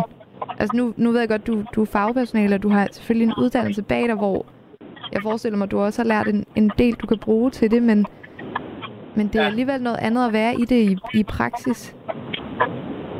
Jo, det, det er det selvfølgelig også, og man skal også være robust. Og, øh, og nu, nu er det også mest ældre, øh, vi kommer ud for, eller ældre mennesker, vi kommer ud til. Men vi kan også risikere, at det er nogen, som ikke er så gamle, for eksempel ja, 40-50 år, dem kommer vi ikke lige ud til, men det, kan- man kan risikere det. Og så, vil, så tror jeg også, det vil være hårdere end i forhold til, at det er sådan, at ældre mennesker, som har som er på de sidste dage alligevel, eller hvad man skal sige. Øhm, men ellers så skal man være robust. Øh, sådan rigtig, hvad skal man sige. Øh, jeg, tænker, jeg tænker, hvis jeg ikke havde den her uddannelse og, øh, og arbejde, som jeg nu har, så vil jeg heller ikke tilmelde mig, tror jeg ikke. Så har det været hårdt for mig, tror jeg. Men også bare det, at så er det også nemmere at snakke med familien om døden. Øh, ja. Øh, også hvis ens selv pårørende, enten min mor eller min far, eller ja, bedsteforældre, de, de så dør øh, en dag, øh, så er det også nemmere at snakke om. Ja, du, du bliver på en eller anden måde øh, hærdet, forestiller jeg mig. Ja, lige præcis. Men det er stadig, jeg, jeg, fordi jeg har, jeg har også selv været inde og, og læse om det, og jeg er simpelthen i tvivl, om jeg vil kunne holde til det. Altså fordi jeg forestiller mig, at det, det, at det kan være så svært. Man skal selvfølgelig være god til at kigge på det, det smukke i det. Jeg synes, det er en virkelig, øh, det er virkelig en fin måde, du formulerer det på, det der med, at du også er der for at aflaste de pårørende. Ja, lige nok. Det, Men det hvordan, også, øh, hvordan var det at starte op på det? Altså, hvordan var de første par gange, hvordan var det at være i? Ja, man skulle lige vende sig til det øh, for det første. Også, øh, også nu kender jeg det også fra faget, øh, når, vi, når borgerne selve dør. Men, øh, men man skal også lige vende sig til det, at, øh, at øh, hvordan folks øh, madtrækning og sådan lidt, øh, hvordan de... Øh, fordi der, der er nogen, man virkelig kan mærke, at øh, nu var det det. Øh, men så er der også bare nogen, hvor man er i tvivl om. Øh, men så er, det, så er det godt, at jeg har erfaring fra det fra faget af, som, hvor jeg virkelig ved, at nu var det ligesom det. Men øh, jeg tror ikke, jeg ville øh, kunne vide, hvis jeg ikke havde det fag der. Øh, og så, øh, jamen de første par gange, det var også, øh, man skulle lige igennem først, øh, synes jeg, at øh, det kunne godt virke lidt ubehageligt, hvis, øh, hvis der nu var en, som, øh, som så havde jeg en, han, han, øh, han øh, hvad skal vi sige, øh, han, øh, øh, han lå bare stille og roligt der, og så lige pludselig så, øh, så træk han det sidste hvert, og så lige pludselig så øh, kom der det sidste øh, ud af, øh, og nu ringer nødkald. Øh, Nå, ej, skynd dig Øh, tilbage på, det må jeg undskylde. det er bare Ja. i orden. Men øh, yes, Rigtig god arbejdsløst, og tusind tak, fordi du havde tid Ja. til at snakke med mig. tak lige måde, og ja, vi ses, eller vi snakkes. Det gør vi. Hej hej. Hej. Så skal man skynde sig tilbage på, øh, på arbejdet. Jeg, øh, jeg tænker, øh, jeg er sådan helt øh, rørt af den historie. Jeg synes virkelig, det er fint det at være i, i vågetjenesten. Jeg tænker, at vi tager et musikstykke, og så glæder jeg mig til at høre, hvem jeg skal snakke med bagefter.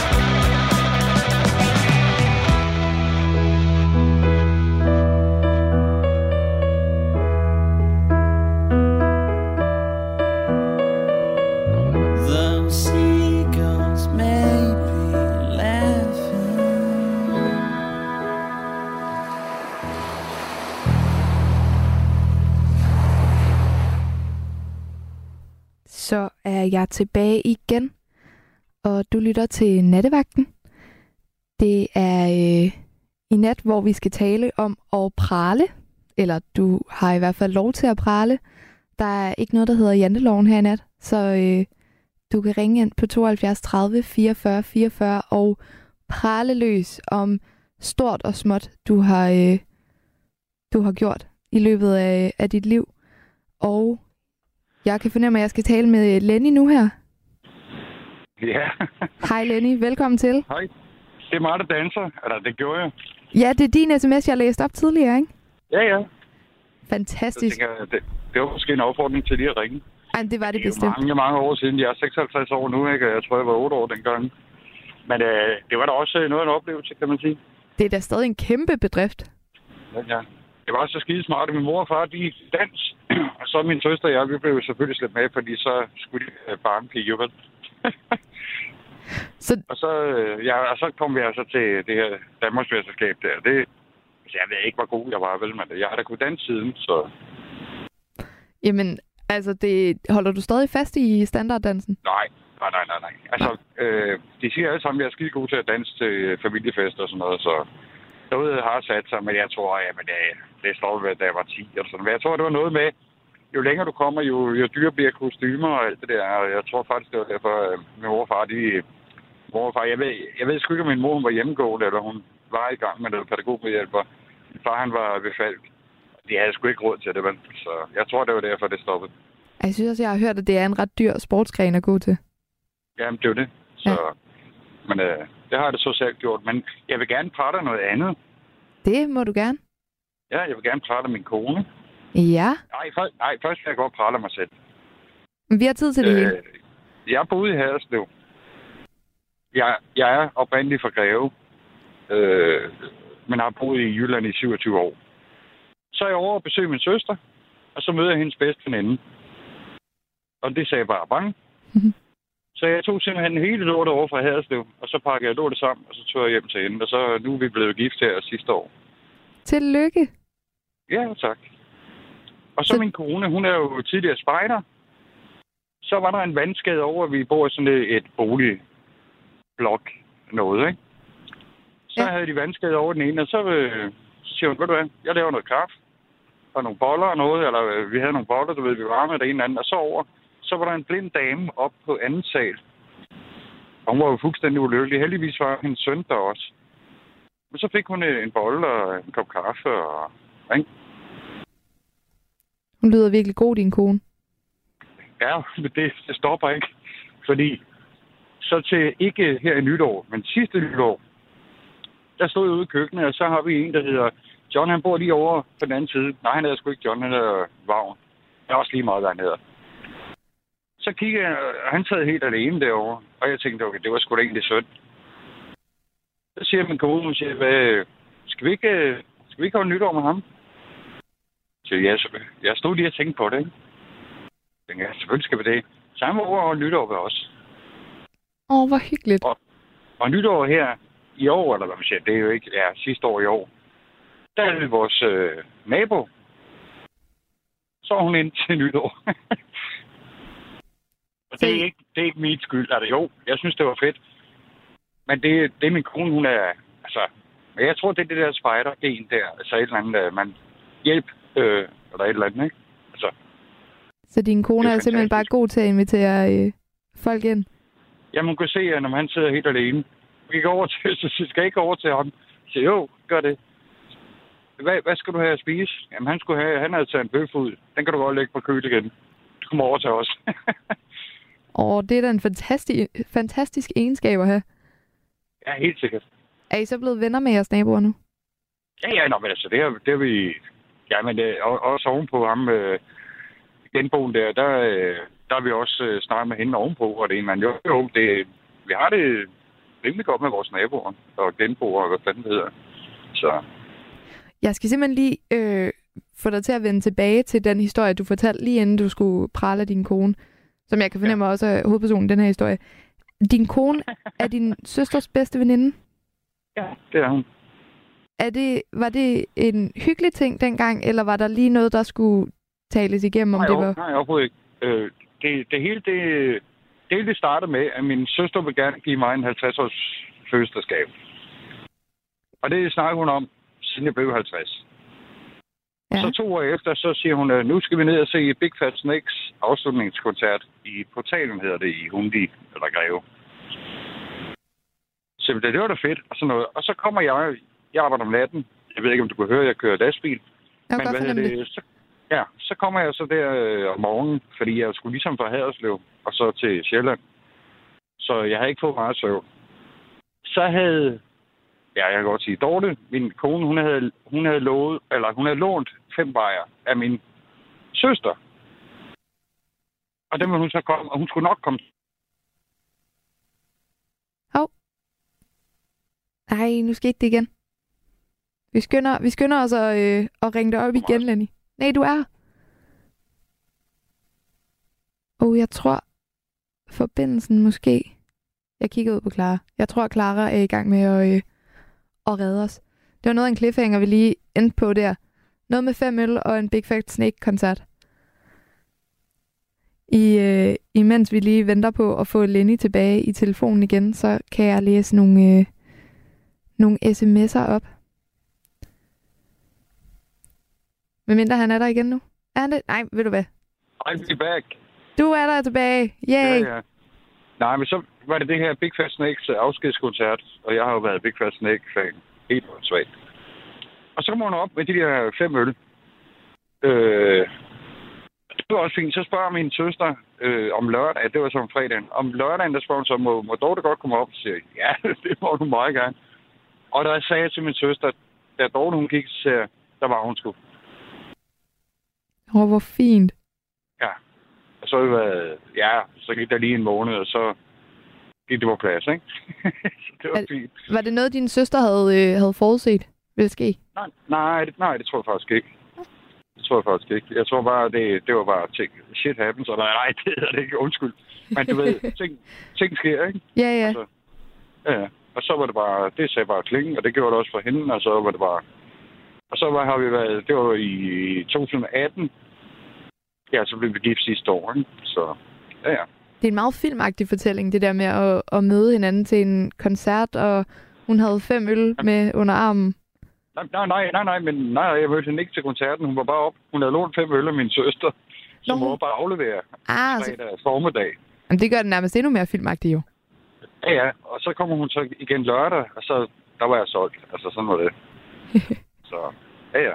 Fredag og lørdag, så var der ikke noget gøre. Så, så flyttede jeg arbejde og, og bopæl, og jeg ved ikke hvad. Nu kører jeg danske fragtmand, så det var ikke så svært, fordi jeg, jeg har kørt i otte år over i Haderslev. Okay. Så da, jeg- da jeg så flyttede, selvfølgelig skulle lige tjekke, om det var i orden, jeg flyttede, fordi de, det er noget med noget internt, du ved. At man må ikke bare skifte til den samme, eller man siger, inden for samme ting. Men altså, nu skulle jeg lige jeg ind til Sjælland, jo, ikke? Så, så det gik, så der har jeg været i to år nu. Eller, jeg er to og et halvt år. Så Hvordan er det så at køre øh, lastbil på Sjælland? Jamen, det er jo fint. Nej, men det er nu... Øh, jeg kører faktisk fra Fyn nu. Nå. Jamen, det er jo, det er jo skidesmart, fordi jeg, jeg, har en trailer, eller jeg tager en trailer, så tager jeg bare benene op, og så sætter jeg den anden sted og tager benene ned, og så det er skidesmart. Altså, Hvor længe har du så sammenlagt været, øh, været lastbilchauffør? jamen, jeg er uddannet trykker, og det, det var jeg nogle år. Jamen, jeg fik lastvognskort i 90, Okay. og så har jeg været væk fra det i, jeg ved sgu ikke, om det var 6 år eller sådan noget. 6-7 år eller sådan noget. Jeg, var, jeg er uddannet trykker i sin tid. Lang tid siden. så der havde jeg trykkerjob der, ellers har jeg faktisk kørt lastbil. Ja, ja det meste af tiden, ikke? Jeg forestiller mig også, Fordi det er sådan det, et det, job... det der med, med, med aviser og det ene eller andet. det blev mindre og mindre. Du kan bare se Ekstrabladet, de er jo... Øh, I 80'erne, der var det jo noget med ja, 500.000 eksemplarer, nu er de nede på, jeg ved ikke, en- 50.000 eller et eller andet. Der er jo ikke nogen, der køber aviser mere. De, de bruger deres iPad eller deres computer, ikke? Jo, det er virkelig en sjældenhed. Men det er Ja, bare så det jo det. hyggeligt at sidde og læse i en avis. Jamen, det er det også. Det er sådan noget, så har du det i hånden, ikke? Altså, Jo. ja, Jo, det, og man får, det er ikke så godt for øjnene at sidde og kigge på en skærm hele tiden, og det, man bliver nej. distraheret af beskeder, der rører ind. Det er meget hyggeligt at tage en avis med ud og sidde med den og læse. Ja, lige nok. Ja, ja. Men det, der er bare for få, der gør det. Så Ja. der er sgu ikke mere. ja, så skal lige være emballage til, øh, hvad hedder det, Anton Bager eller et eller andet. Det øh, bliver der vel st- stadigvæk produceret, men eller aviser og bøger, og ja, bøger, det er jo også på, øh, det er jo også på sådan noget laserprint eller et eller andet, ikke? Hvor Jo. det bare, hvor det bare kører igennem, så ja, det er lidt sørgeligt. Der er en sms, der havde skrevet, havde trykkerne ikke gode lønninger dengang, der var mange aviser opladet? Meget gode lønninger. Var det, det var også dengang med trykkerne, hvis der var de var utilfredse med noget, så satte de sig bare på røven. Og så gik der to dage, så fik de vel vel. nej, de kunne selvfølgelig bare strække, det, for de var mega nødvendige at have. Ja, jeg, nu er jeg litograf uddannet. Offset-trykker hedder det. Øh, typografer. Altså allerede fra dengang, jeg gik i lære, jamen vi satte os bare ned, og så, altså, så var det spørgsmål om 10 med i timen, så fik vi det bare. Altså, fordi hele lortet stod stille. Der var ikke nogen aviser, der var ikke noget. Og vi fik bare... Og det har, det har slået erhvervet ihjel, kan man sige. Altså man skal også passe på, at man ikke øh, strømmer skruen ikke, for meget. Så fordi folk endte med at, øh, at måske være lidt for forkælet, Ja, men det tror jeg. Altså, det, jamen, de vidste jo bare, at hvis de satte sig ned på røven, så, så fik de, hvad de ville. Altså, og det var, det var galt. Jeg siger det, jeg er selv uddannet trykker, ikke? Ja. Men, men det, var, det var galt. Altså, fordi jamen, så var der ikke nogen aviser, så var der ikke nogen, alt, alt muligt. Altså, alt papir og alt pap og det ene eller andet, ikke? Der, der var ikke noget af det lige pludselig. Og det kunne folk jo ikke. De ville fandme have deres ekstrablad og deres BT og hvad det nu hed, ikke? jo selvfølgelig, det skulle der ud. Ja, ja. Ja, ja. Koste hvad det er koste vil. Ja, ja, lige meget. Det er ligesom, hvis, når skraldemændene, de, øh, de strækker, det er jo ret det samme. Altså, Ja, og jeg har faktisk lige fået øh, besked på, at strække, eller hvad hedder det, skraldemændene kommer til at strække den næste, det næste stykke tid hos mig, og jeg er, lidt, jeg er Nå. lidt bange for, hvad det kommer til at betyde. jamen, det kan jeg da godt forstå. Det glæder jeg Så mig kan til. jeg nok have nogle rottefælder op. Ej, Nej, og nu skal jeg nok lade være med. at- kommer med alle skræmmehistorierne. Ja, ja, ja, ja. Så, Hvordan var det at gå fra at være, være trykker, og så til at være lastbilchauffør? det gik sgu ind. Det var faktisk, jeg blev uddannet i øh, 87. Og så arbejdede jeg tre år. Så var det ligesom, øh, der var noget med hollænderne, og jeg ved ikke hvad, de overtog hele lortet. Nej, jeg må ikke bande på radio, må jeg? Jo, det er om de overtog- Det er okay. de overtog det, de overtog det hele. Så blev, det, så blev folk fyret, og det var en, en lille branche, men alligevel blev der fyret folk. Så blev jeg nødt til at finde på noget andet, og så tænkte jeg, okay, jeg kan også køre lastbil, jo. Så begyndte jeg at tage kørekort og alt det der under mit, jeg var jo ledig. Så det fik jeg jo forholdsvis billigt, kan man sige. Både øh, til øh, forhånd hænger det hele, ikke? Der må køre 24 meter og alt det der. Øh, og det var faktisk der, men- men så fik jeg så chancen igen øh, for at komme ind i, i faget, ikke? Ja. Så på den måde. Okay. Ja, det giver god mening. Og, og det har jo været helt perfekt at have, kan man sige, nu hvor du har skulle flytte for din kone og Ja, ja. skifte lokation. Jeg forstod ikke helt Jamen, det, du sagde før med, at man ikke måtte... At noget med, at når du skulle skifte job inden for den branche, så var der nogle steder, du ikke måtte tage job. Jamen, det, nej, ja. Men det er jo fordi, at jeg søger ved danske fragtmænd i Tostrup, Ja. og jeg var ved danske fragtmænd i Haderslev. Jeg, altså, hvis det nu var uh, i Tostrup, der er tre, fire vognmænd i Tostrup. Hvis jeg nu går fra den ene til den anden, de har bare en regel om, at man stiller ikke hinandens medarbejdere. Eller, eller jeg ved ikke, om du forstår. Jo, jo, jo, det giver mening. Fordi det, var, fordi det var fra Haderslev til Tostrup, så var der ingen problemer. Ah, fordi det var så, så meget et lokationsskifte. Ja, lige nu ja. Okay. Ja, det giver god mening. ja. på den måde. Ja, ja. Og så skal jeg også lige høre, øh, nu skifter jeg emne igen. Havde du, øh, havde du nogle standard danse moves med til, øh, til jeres brudvals? øh, det, jeg ved ikke, om det var et eller andet... Øh, jeg tror bare, det var, Nej, jeg tror sgu ikke engang, det var en vals. jeg så sige. Jeg tror faktisk ikke engang, det var. Det var Og bare og noget, I det lige var- fandt på. og Jeg, jeg tror, det, det kommer så af... Øh, og det er jo ikke noget med det at gøre. Øh, da, jeg, jeg stillede op i, øh, i sort og video, ikke? Klart. Altså dengang du var til brylluppet, eller da du var barn? Ja, til brylluppet der, ikke? Ja. Der, hvad hedder det, øh, der tog jeg også lige min øh, motorcykellæs på, da vi dansede. Og det gjorde hun også. så der var ikke så meget valg over det, tror jeg. jeg ved det ikke. I kø- Men, kører I øh, begge to på øh, motorcykel? Jeg har sådan en øh, gammel, hvad hedder det, politimotorcykel, sådan en FJR 1300, at vi ligger og drøner rundt på. Og så er vi i en klub over ved Haderslev, Bævtoft. Øh, Expendables, må jeg godt sige. Øh, hvor vi, øh, vi har vores gang indimellem. Ja. Så, Men ja. har I så har I begge to hele tiden været en del af, øh, af det? Nej, det kom hun senere. Okay, så du flyttede til Sjælland for hende, og hun meldte sig ind i øh, en motorcykelklub. Ja, ja, men hun var jo vild med det øh, første gang, hun var der, så... Så ville hun også have en vest. Selvfølgelig. Så sådan det. Ja, man kan ikke ikke skulle have vesten, tænker jeg. Og, nej, men der, og der er jo nemlig forskel nu. Jeg ved ikke, øh, du har sikkert set det der med det der heltagels øh, et eller andet, der er i, i tv. Ja, måske. Og, og, og de, er jo, de er jo også biker. Ja. Men det er på to forskellige måder, man er biker. Fordi der er mange, der, når, når du ser en med en vest, så tror du, uha, det er noget farligt noget. Men det er det nødvendigvis ikke. Altså, og alt er respekt for, for både Davis Joyce og, og Hells Angels og Saldar og Banditos. Sådan er vi slet ikke. Altså, det, det er sådan, man kalder det 99 procent klub, hvor der er, at alle er velkommen, ikke? Fedt. Så der er ikke, der er ikke noget slåskamp eller noget som helst. Okay. I, I ruder ikke ud i, i alt muligt. Nej, nej. Hvordan, hvordan, startede, hvornår, hvordan startede du i den klub? Uh, jamen, jeg, jamen, jeg tror, det var i... I den her klub, det var i 17, men jeg startede allerede i 10 eller sådan noget. Øh, at være med i klubber, ikke? Så Hvordan gør man det egentlig? Altså, hvordan opsøger du, du... Du har haft motorcykel og motorcykelkørekort, og så er det så dig, der opsøger nogen, eller skaber du noget jo, jo, selv? så eller? kommer jeg til en eller anden aften, hvor det er, at de har et eller andet... Den første klub, jeg var med i der, der, der det, det var i en lille bitte by i Sønderjylland, og de ville gerne invitere øh, byens folk og det ene eller andet, og ja, og så min, min ekskæreste, min børns mor, og jeg, vi havde en motorcykel, så jamen, det, så lå den lige for, så var vi med i den der klub, ikke? Så.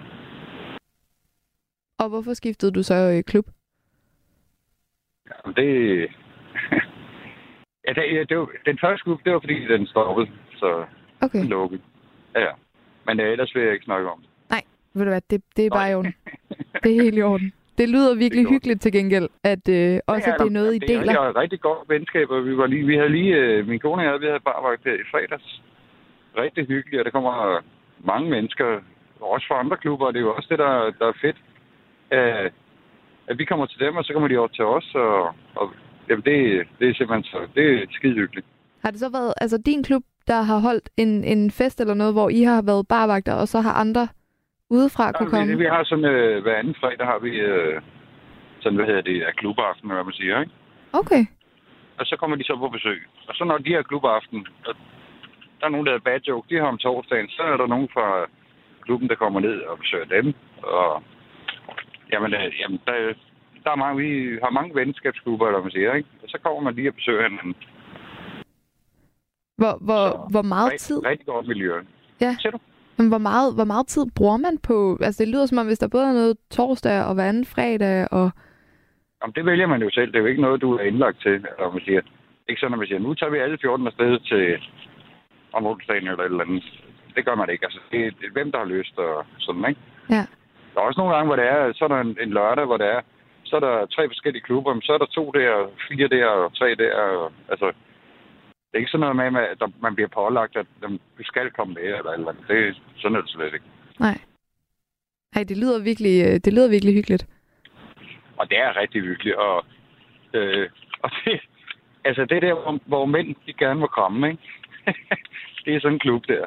Altså, Det, det kan du det godt blive med. virkelig, og, og hvis det er, jeg ikke bliver mobbet med et eller andet, om det er øre eller næse eller hår eller hvad det er, så, så vil jeg gå hen til dem og sige, hvad, hvad fanden er der galt? Altså, fordi det er sådan øh, det er sjovt jo, eller er sjov mobning, ikke? Eller sådan noget. Der er sådan en Altså- drillende jargon. Ja, ja, sådan noget, ikke? Og hvis der er en aften, hvor det er, at de slet ikke har drillet mig lidt eller et eller andet, så vil jeg, så vil jeg tænke, okay, er de sure på mig? Eller hvad? så, Er jeg overhovedet velkommen længere? ja, lige nøjagtigt. Lenny, der, er- der er en til, der har skrevet, øh, er det også nogle af dem, der åbner bakken og lukker bakken? Er I med der? Og det vil jeg godt. Øh, Og det kan også godt være, at jeg gør det i år. Jeg ved det ikke, fordi nu bor jeg jo ligesom på Sjælland nu. Ja, Men det øh, er først var oplagt. det, har det været lidt svært i Haderslev, og så kører jeg helt i vejen over og åbne bakken. Ja, selvfølgelig. Jeg har det i mine, mine tanker i hvert fald. Det, det har jeg faktisk tit tænkt over. Er det, nogle, er det nogle faste, eller er det bare for eksempel dig og din kone, der kan vælge at sige, det tager vi ind og gør, eller er det hele klubber, jeg der ved tager ikke, ind og om gør de det? starter fra Rådhuspladsen, eller om de starter ude ved Nørrebro. Det kan han sikkert fortælle mig. Hvad hedder det? Men, men det er et eller andet med, så er man, så er man jo så 400 motorcykler afsted. Og så kører man til bakken og åbner bakken. Så øvrigt vil jeg gerne lige slå et slag for Loud and Proud, øh, motorcykelklub, øh, deres stress, øh, de der god, godhavsdrenge, øh, der fik en undskyldning. Jeg ved ikke, om du kan huske det. Jo, det kan jeg godt. der var vi med. Øh, og nu kan jeg selvfølgelig ikke huske, hvad han hedder. Men press derfra, eller at president derfra, han, øh, han lavede det der... Det var, fordi hans far havde siddet på øh, som godhavnsdreng. Og der kørte vi... Jeg, jeg, jeg ved ikke. Var vi 500 motorcykler op ad Strandvejen, og ned ad Strandvejen, op fra Tisvilde Leje og øh, til Lyngby der, og så videre ind til Christiansborg der. Det var simpelthen bare... Hold Det var så godt. Det lyder som en Ja, vild er oplevelse. mange motorcykler. 500 motorcykler. Virkelig mange. Du ses, ikke? Det er helt vildt. Men jeg husker, Ja, altså det det godt. Og, øh, og shout out for Loud and Proud. loud and proud. Ja. Shout out til dem. Jamen, Ja. øh, Lenny, jeg vil takke af for dig nu. Ja, Men jeg er selv tak. så glad for, at det du... Godt. Tak skal du have. Tak skal du have. Det gør din øh, søde veninde ude i øh, båsen også. Ja, men Clara, hun er en, øh, Og en det har jeg også sagt til hende, så ja, ja. Det er jeg glad Så for. hun ved det godt. Det er godt. Tusind tak, fordi du vil være med og dele alle de her Ja. gode historier. Jamen, tak fordi jeg kunne bidrage. Og rigtig god arbejdsløst. Jo, tak skal du have i lige måde. Tak. Hej. Jeg øh, kigger lige ud på, øh, på Clara nu her. Jeg tror måske, jeg var lidt for hurtig. Så øh, det kan være, at vi hopper til et stykke musik i stedet for. Eller så får jeg en lytter. Vi ser, hvad der sker. Der er kommet en til sms ind. Der er en, der har skrevet, jeg har hverken det ene eller andet kørekort. Jeg tror, uden at være sikker, de starter på Nørrebro, men de har kørt optog ved siden af mit barndomshjem hvert år. Og det er til øh, Lenny, vi lige har haft igennem her. Det lød virkelig hyggeligt. Jeg kan huske fra, øh, fra da jeg var mindre, da jeg var helt lille, jeg aner ikke, hvor gammel jeg var, men jeg var et, et lille barn, så var jeg med mine forældre inde på bakken og se det her motorcykelløb. løb. Og jeg synes simpelthen, det var så uhyggeligt, fordi de var jo i, i højde, med, eller de var jo alle sammen højere end mig, eller motorcyklerne var højere end mig, og de larmede så meget, og det var mørkt, og jeg husker det som virkelig, virkelig uhyggeligt, men så kom jeg op og sad på min fars skuldre, og så fik jeg øjenkontakt med flere af, øh, af dem, der kørte på motorcyklerne, og så smilte de alle sammen, og så, så var det slet ikke så uhyggeligt alligevel. Det, øh... Jeg synes virkelig, det er en fin tradition. Og nu hører jeg, at vi har øh, Rune med. Er det rigtigt? Det har jeg i hvert fald. Hej Rune. Hej. Hej, Rebecca. Hyggeligt at snakke med dig på den her måde. Ja, det, det prøver vi også det. Jamen altså. Hvorfor ikke? Du har Ja, simpelthen er skrevet så mange skønne sms'er ind i nat, Rune. Ej, jeg har skrevet et par stykker i hvert fald. Det er fedt. Og du har, du har taget øh, min opfordring til dig med at prale. Det kan jeg godt lide. jeg. Ja, men altså, hvis ikke jeg er glad for mig selv, man så. Det, jamen altså... Og ved du hvad, det synes jeg faktisk er en, en vigtig nok ting at leve efter. Ja. Ja. Jamen altså, selvfølgelig. Man skal være glad for det, man laver, ellers så skal man finde på noget andet. Altid. Ja. Jamen, hvad, øh, hvad skal vi starte med at høre om? Jamen, det ved jeg ikke. Lastbil, Lastbil. Du er verdens be- eller Danmarks bedste lastbilchauffør. Verdens bedste. det er verdens bedste, ved jeg ikke. Men der er nok nogen nede i Australien, der er noget bedre til at bakke end jeg er. Men altså, Men- men... altså, i Danmark, der er det nok den bedste, hvis jeg selv skal sige det. Ja. Jeg Hvad- er 23 år uden at lave uheld, eller være interesseret i uheld. Eller... Og det er også imponerende. Det synes jeg egentlig også. det. altså, uh, jeg ligger til daglig og kører med de der 25 meters linkvogntog, som jeg også bakker med. Og den står højere om. Vogntog. Hvad siger Linkvogntog hedder det. Det er, hvor, det er dem, der er 25,25 meter lange. Og det er de der altså ekstra lange lastbiler? Ja. Okay. Den Ja. ligger jeg og kører. Hold op. Det, øh, jamen, jeg, jeg synes, det, altså, det, det sagde jeg også tidligere i programmet, jeg synes, det er imponerende, hver gang jeg, øh, jeg ser de der lastbiler bakke. Jeg synes simpelthen, det virker så skræmmende. Ja, det, det, det, det, kan jeg også godt forstå, når man sidder i en lille bil og kommer op på siden af sådan en, så er den noget stor og skræmmende. Ja, og jeg har jo primært kørt rundt i en lille Fiat Panda. Den, den kan jeg ikke så meget. Ej, ikke forhold til sådan en, jeg har. Ja, det, for, for mig der er det det, det er jo bare en lastbil. Altså, det jeg har gjort de sidste 23 år. Ja. Så det, det, jamen, jeg kan ikke se noget svært i det. Startede du egentlig, øh, altså du fik dit lastbilkørekort, og startede du så bare med at køre lastbil fast derefter? Ja, det gør jeg. Jeg har lige været væk i et års tid, fordi jeg skulle prøve noget andet, men det kunne jeg slet ikke finde ud af. Nej. Det, det, ja, når først man har kørt lastbil, så er det det, man helst gerne vil. Får man ikke også bare en, en sådan ret rar rutine i sådan en lastbil? Jo, jo altså, jeg, jeg kalder min lastbil mit fristed. Det er her, jeg er alene, jeg kan tænke alt det, jeg vil, og høre, hvad jeg vil. Uden at skal skulle tage hensyn til andre. Hvorimod derhjemme, der har man jo set en dejlig kone, man skal tage hensyn til. Det var, jeg tror, det var rigtig godt, du lige smed dejlig ind i den sætning. Ja, en anden kan jeg ikke kalde det nu, når jeg kan kun være stolt af hende. Ja, det, ja. Men hvad er du, er du øh, nu snakkede jeg med en tidligere, der havde været væk på ture af, af sådan 14 dage også, og en uge ad gangen. Ja. Er det Ej, også? En, en uge ad gang, da jeg havde, været chauffør i to eller tre år, der begyndte jeg at køre til Frankrig med møbler. Okay. Og det var, det var før GPS-tid, så det var med kort og helt midt i Paris, og det var ikke skide spændende. Ikke første gang i hvert fald. Nej. Men altså, man vender sig jo til det.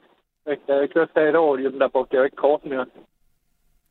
Hørte man egentlig øh, hørte du musik og sådan noget, mens du kørte de der lange, lange ture? Ja, det gjorde jeg dengang. Ellers så øh, prøvede jeg at finde en lydbog på CD øh, på biblioteket, jeg kunne få med. Øh, fordi jeg, jeg er ikke særlig god til at læse, så jeg kan skide godt lide at høre lydbøger. Ah, og jeg forestiller mig, det er perfekt arbejde til at høre en masse lydbøger igennem. Det er det altså. Det gør jeg også, når jeg kører alene. Ja. så jeg lydbøger hele, lyd, lydbøger hele tiden. det. Og hvad... Nej, jeg hører jo også nattevagt.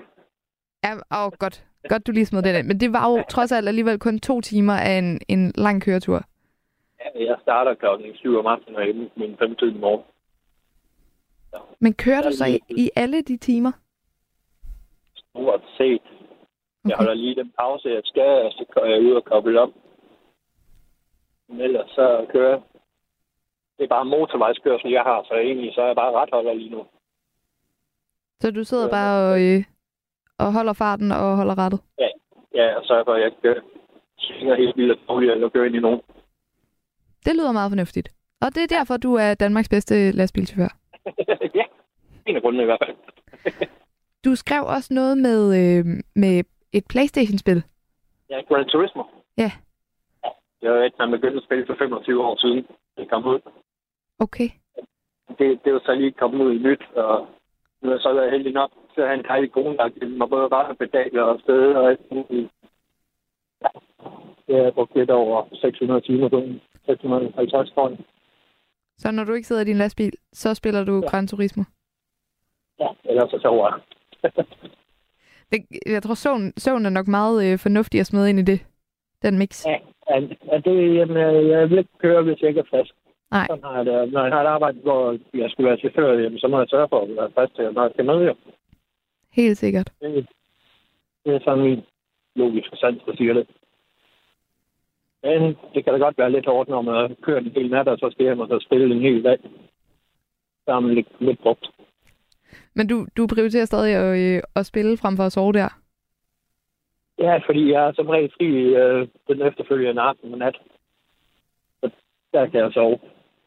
Ja, det, okay, det giver mening. Det, det må vel også ja. handle om at, altså, få den der øh, rutine, eller sådan få en eller anden døgnrytme, selvom du så er vågen hele natten. Ja, men det er svært, når, øh, fordi jeg arbejder egentlig kun tre dage om ugen max. Øh, så den er helt fucked op min rutine, døgnrytme. Ja, det har nu næsten altid været, fordi jeg altid har kørt om natten. Ja. For det meste. Og så vender man sig til at være vågen om natten, og når man kommer hjem, og der er lyst, så kan jeg ikke sove. Så kan man hurtigt få det ødelagt, hvis man kører alle uge fem dage. I må have nogle gode mærklæg- mærklægningsgardiner. ja, jamen, det har vi også. Det har vi også. Der er, øh, der er en, der har skrevet en sms ind til dig, Rune. Der er en, der har skrevet, hej hej blærerøv, vil du hilse ormen og sige, at han da i hvert fald også lige skal prale med, at han har fået ni i roning? Kærlig hilsen, ham der bor i kirken. Det, det har tænker også. jeg, vi Jeg skal have uddybet en gang. Men øh, nu det er fordi, jeg er udlært øh, ubefaren skibsassistent. Du er udlært hvad? Ubefaren skibsassistent, altså sådan, man kan komme ud og sejle. Ah, ja. Og der havde vi en prøve, hvor man skulle ro, prøve roning, hvor jeg fik 9 i i 96. Og der har du fået, det har du fået ni i. Ja. og det har vi haft lidt sjovt med at sige, fordi det er sgu ikke særlig mange, der siger så vi har fået 9 i roning. Men ham, der bor i kirken, er det så en, du er vokset op med? Nej, nej, det er en kammerat, vi har haft de sidste hvad, 10 år. Så han kender bare historien fra... Øh... Ja. Jamen, han har selv været med ud at ro, han ved det. Han Jeg ved, synes- hvor god jeg er til det. Jeg synes, det er så hyggeligt, når, når sms'en også bliver brugt til sådan intern kommunikation. Ja. Det, det er det også. Hvor, Ja, øh, det er godt hvor er du på vej hen nu, Rune? Du er på arbejde, er du ikke det? Jo, jeg er på vej til Horsens. Kører vi Ja. ud til. Og hvad, hvad har du i bagagerummet? Skulle jeg til at sige. Traileren? Øh, alt, alt muligt, det ved jeg virkelig ikke. Dem læser jeg ikke selv. Jeg kommer bare henter dem. Så jeg ved egentlig ikke, hvad der er i. Er det, når man arbejder for de der øh, altså sådan fragtfirmaer, så, Ja. så er det ikke, fordi du, du forholder dig ikke, eller man forholder sig ikke til, sådan, hvad, hvad man kører med? Jo, hvis der er farligt gods i, så gør man. Det giver vildt god mening. Ja. Men ellers ikke rigtigt. Men, nej, så er det jo, det er jo bare ting og sager, folk der bestiller, eller nogle virksomheder, der sender ud, eller ja. Ja. Det rager egentlig ikke mig. Det ser lidt som folks breve, altså det rager heller ikke meget, hvis jeg køber en breve, når der står i dem her. Det, det er bare, det er bare gods. Og det er 23 år, du har øh, været der? Ja. Ej, ikke samme firma, men man kigger alligevel lidt, når der står to motorcykler bag os. En helt ny motorcykler. Ja. Ja. Men sådan er det jo. Jamen, altså, det, jeg synes, det, det er bare ret, det, jeg synes, det er imponerende at have... Øh, fordi du lyder, hver gang jeg har snakket med dig, så har du også lyttet glad, gl- glad, når du har været på arbejde. Altså, det er fedt, at du har haft... arbejde. Ja. Det gør jeg. Øh, jamen, jeg vil ved så lang tid, jeg gør. Det, ja, jeg kan ikke undvære det. Du elsker dit arbejde, og du er dygtig til dit arbejde. Hvad mere kan man bede om? Ja, det er det. Det ved jeg ikke. God tak. Har du, øh, har du noget mere, du har lyst til at, øh, at prale lidt af, nu hvor natten øh, er til det? Det er næsten ikke skulle, hvad jeg skulle være. Det gør jeg ikke. Altså, jeg er sjældent sur. Du hvad, siger du? Jeg er sjældent i dårlig humør. Du er sjældent i dårlig humør. Ja. Det må man godt Hvem er prale. ikke det? Hvem er ikke det? Ej, jeg synes, jeg møder nogle mennesker en gang imellem, hvor jeg tænker, hver gang jeg møder dig, så er du i dårligt humør.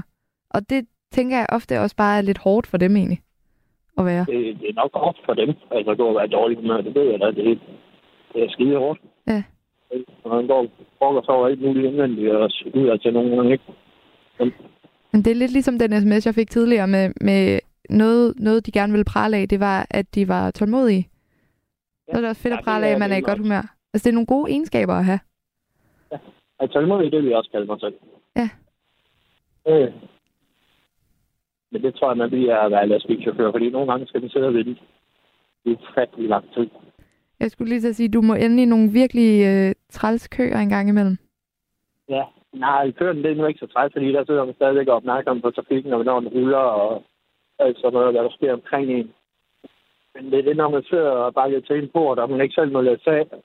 Så er der en hel container af små institutter, der skal læse af, og det tager jeg en anden dag. Så er man bare fanget i sin rigtige der. Nå, så øh, det, det, det, du er ikke en del af den, den sidste del? Det sidste, Altså med at, at læse af og sådan noget. Skal du så bare blive siddende nej. inde i lasthuset? Eller vognhuset? det er i førerhuset, ja. Ja, men så Førerhuset. hvis øh, en container for eksempel, den må man ikke gå ind i, som det før. Nå. Ja, det er bare at holde vel. Hvem er det så? Jeg synes bare, jeg har set... Altså, har du dit, det førerhus, du kører i, er det altid det samme førerhus? Ja, ja jeg kører altid den samme lastbil. Jeg jeg spiller med min kone. Så, nej, hvor hyggeligt. Det tror jeg ikke, Ja. jeg vidste. Hun kører om den, jeg kører om den. Perfekt. Jeg ved hvad. Det Hvor- hvor-. Hvor, nej, jeg skulle til at sige, hvornår ser I så hinanden? Hvis du spiller Playstation den anden halvdel af tiden. Ja, ej, det gør jeg ikke kun. Det er jo heldigvis ikke hver dag, der er løb. Jeg er lige færdig med en sæson nu her. Okay. Og det går der på lige par uger, før der er løb igen. Altså, så er det hver tredje dag, der er, der er løb.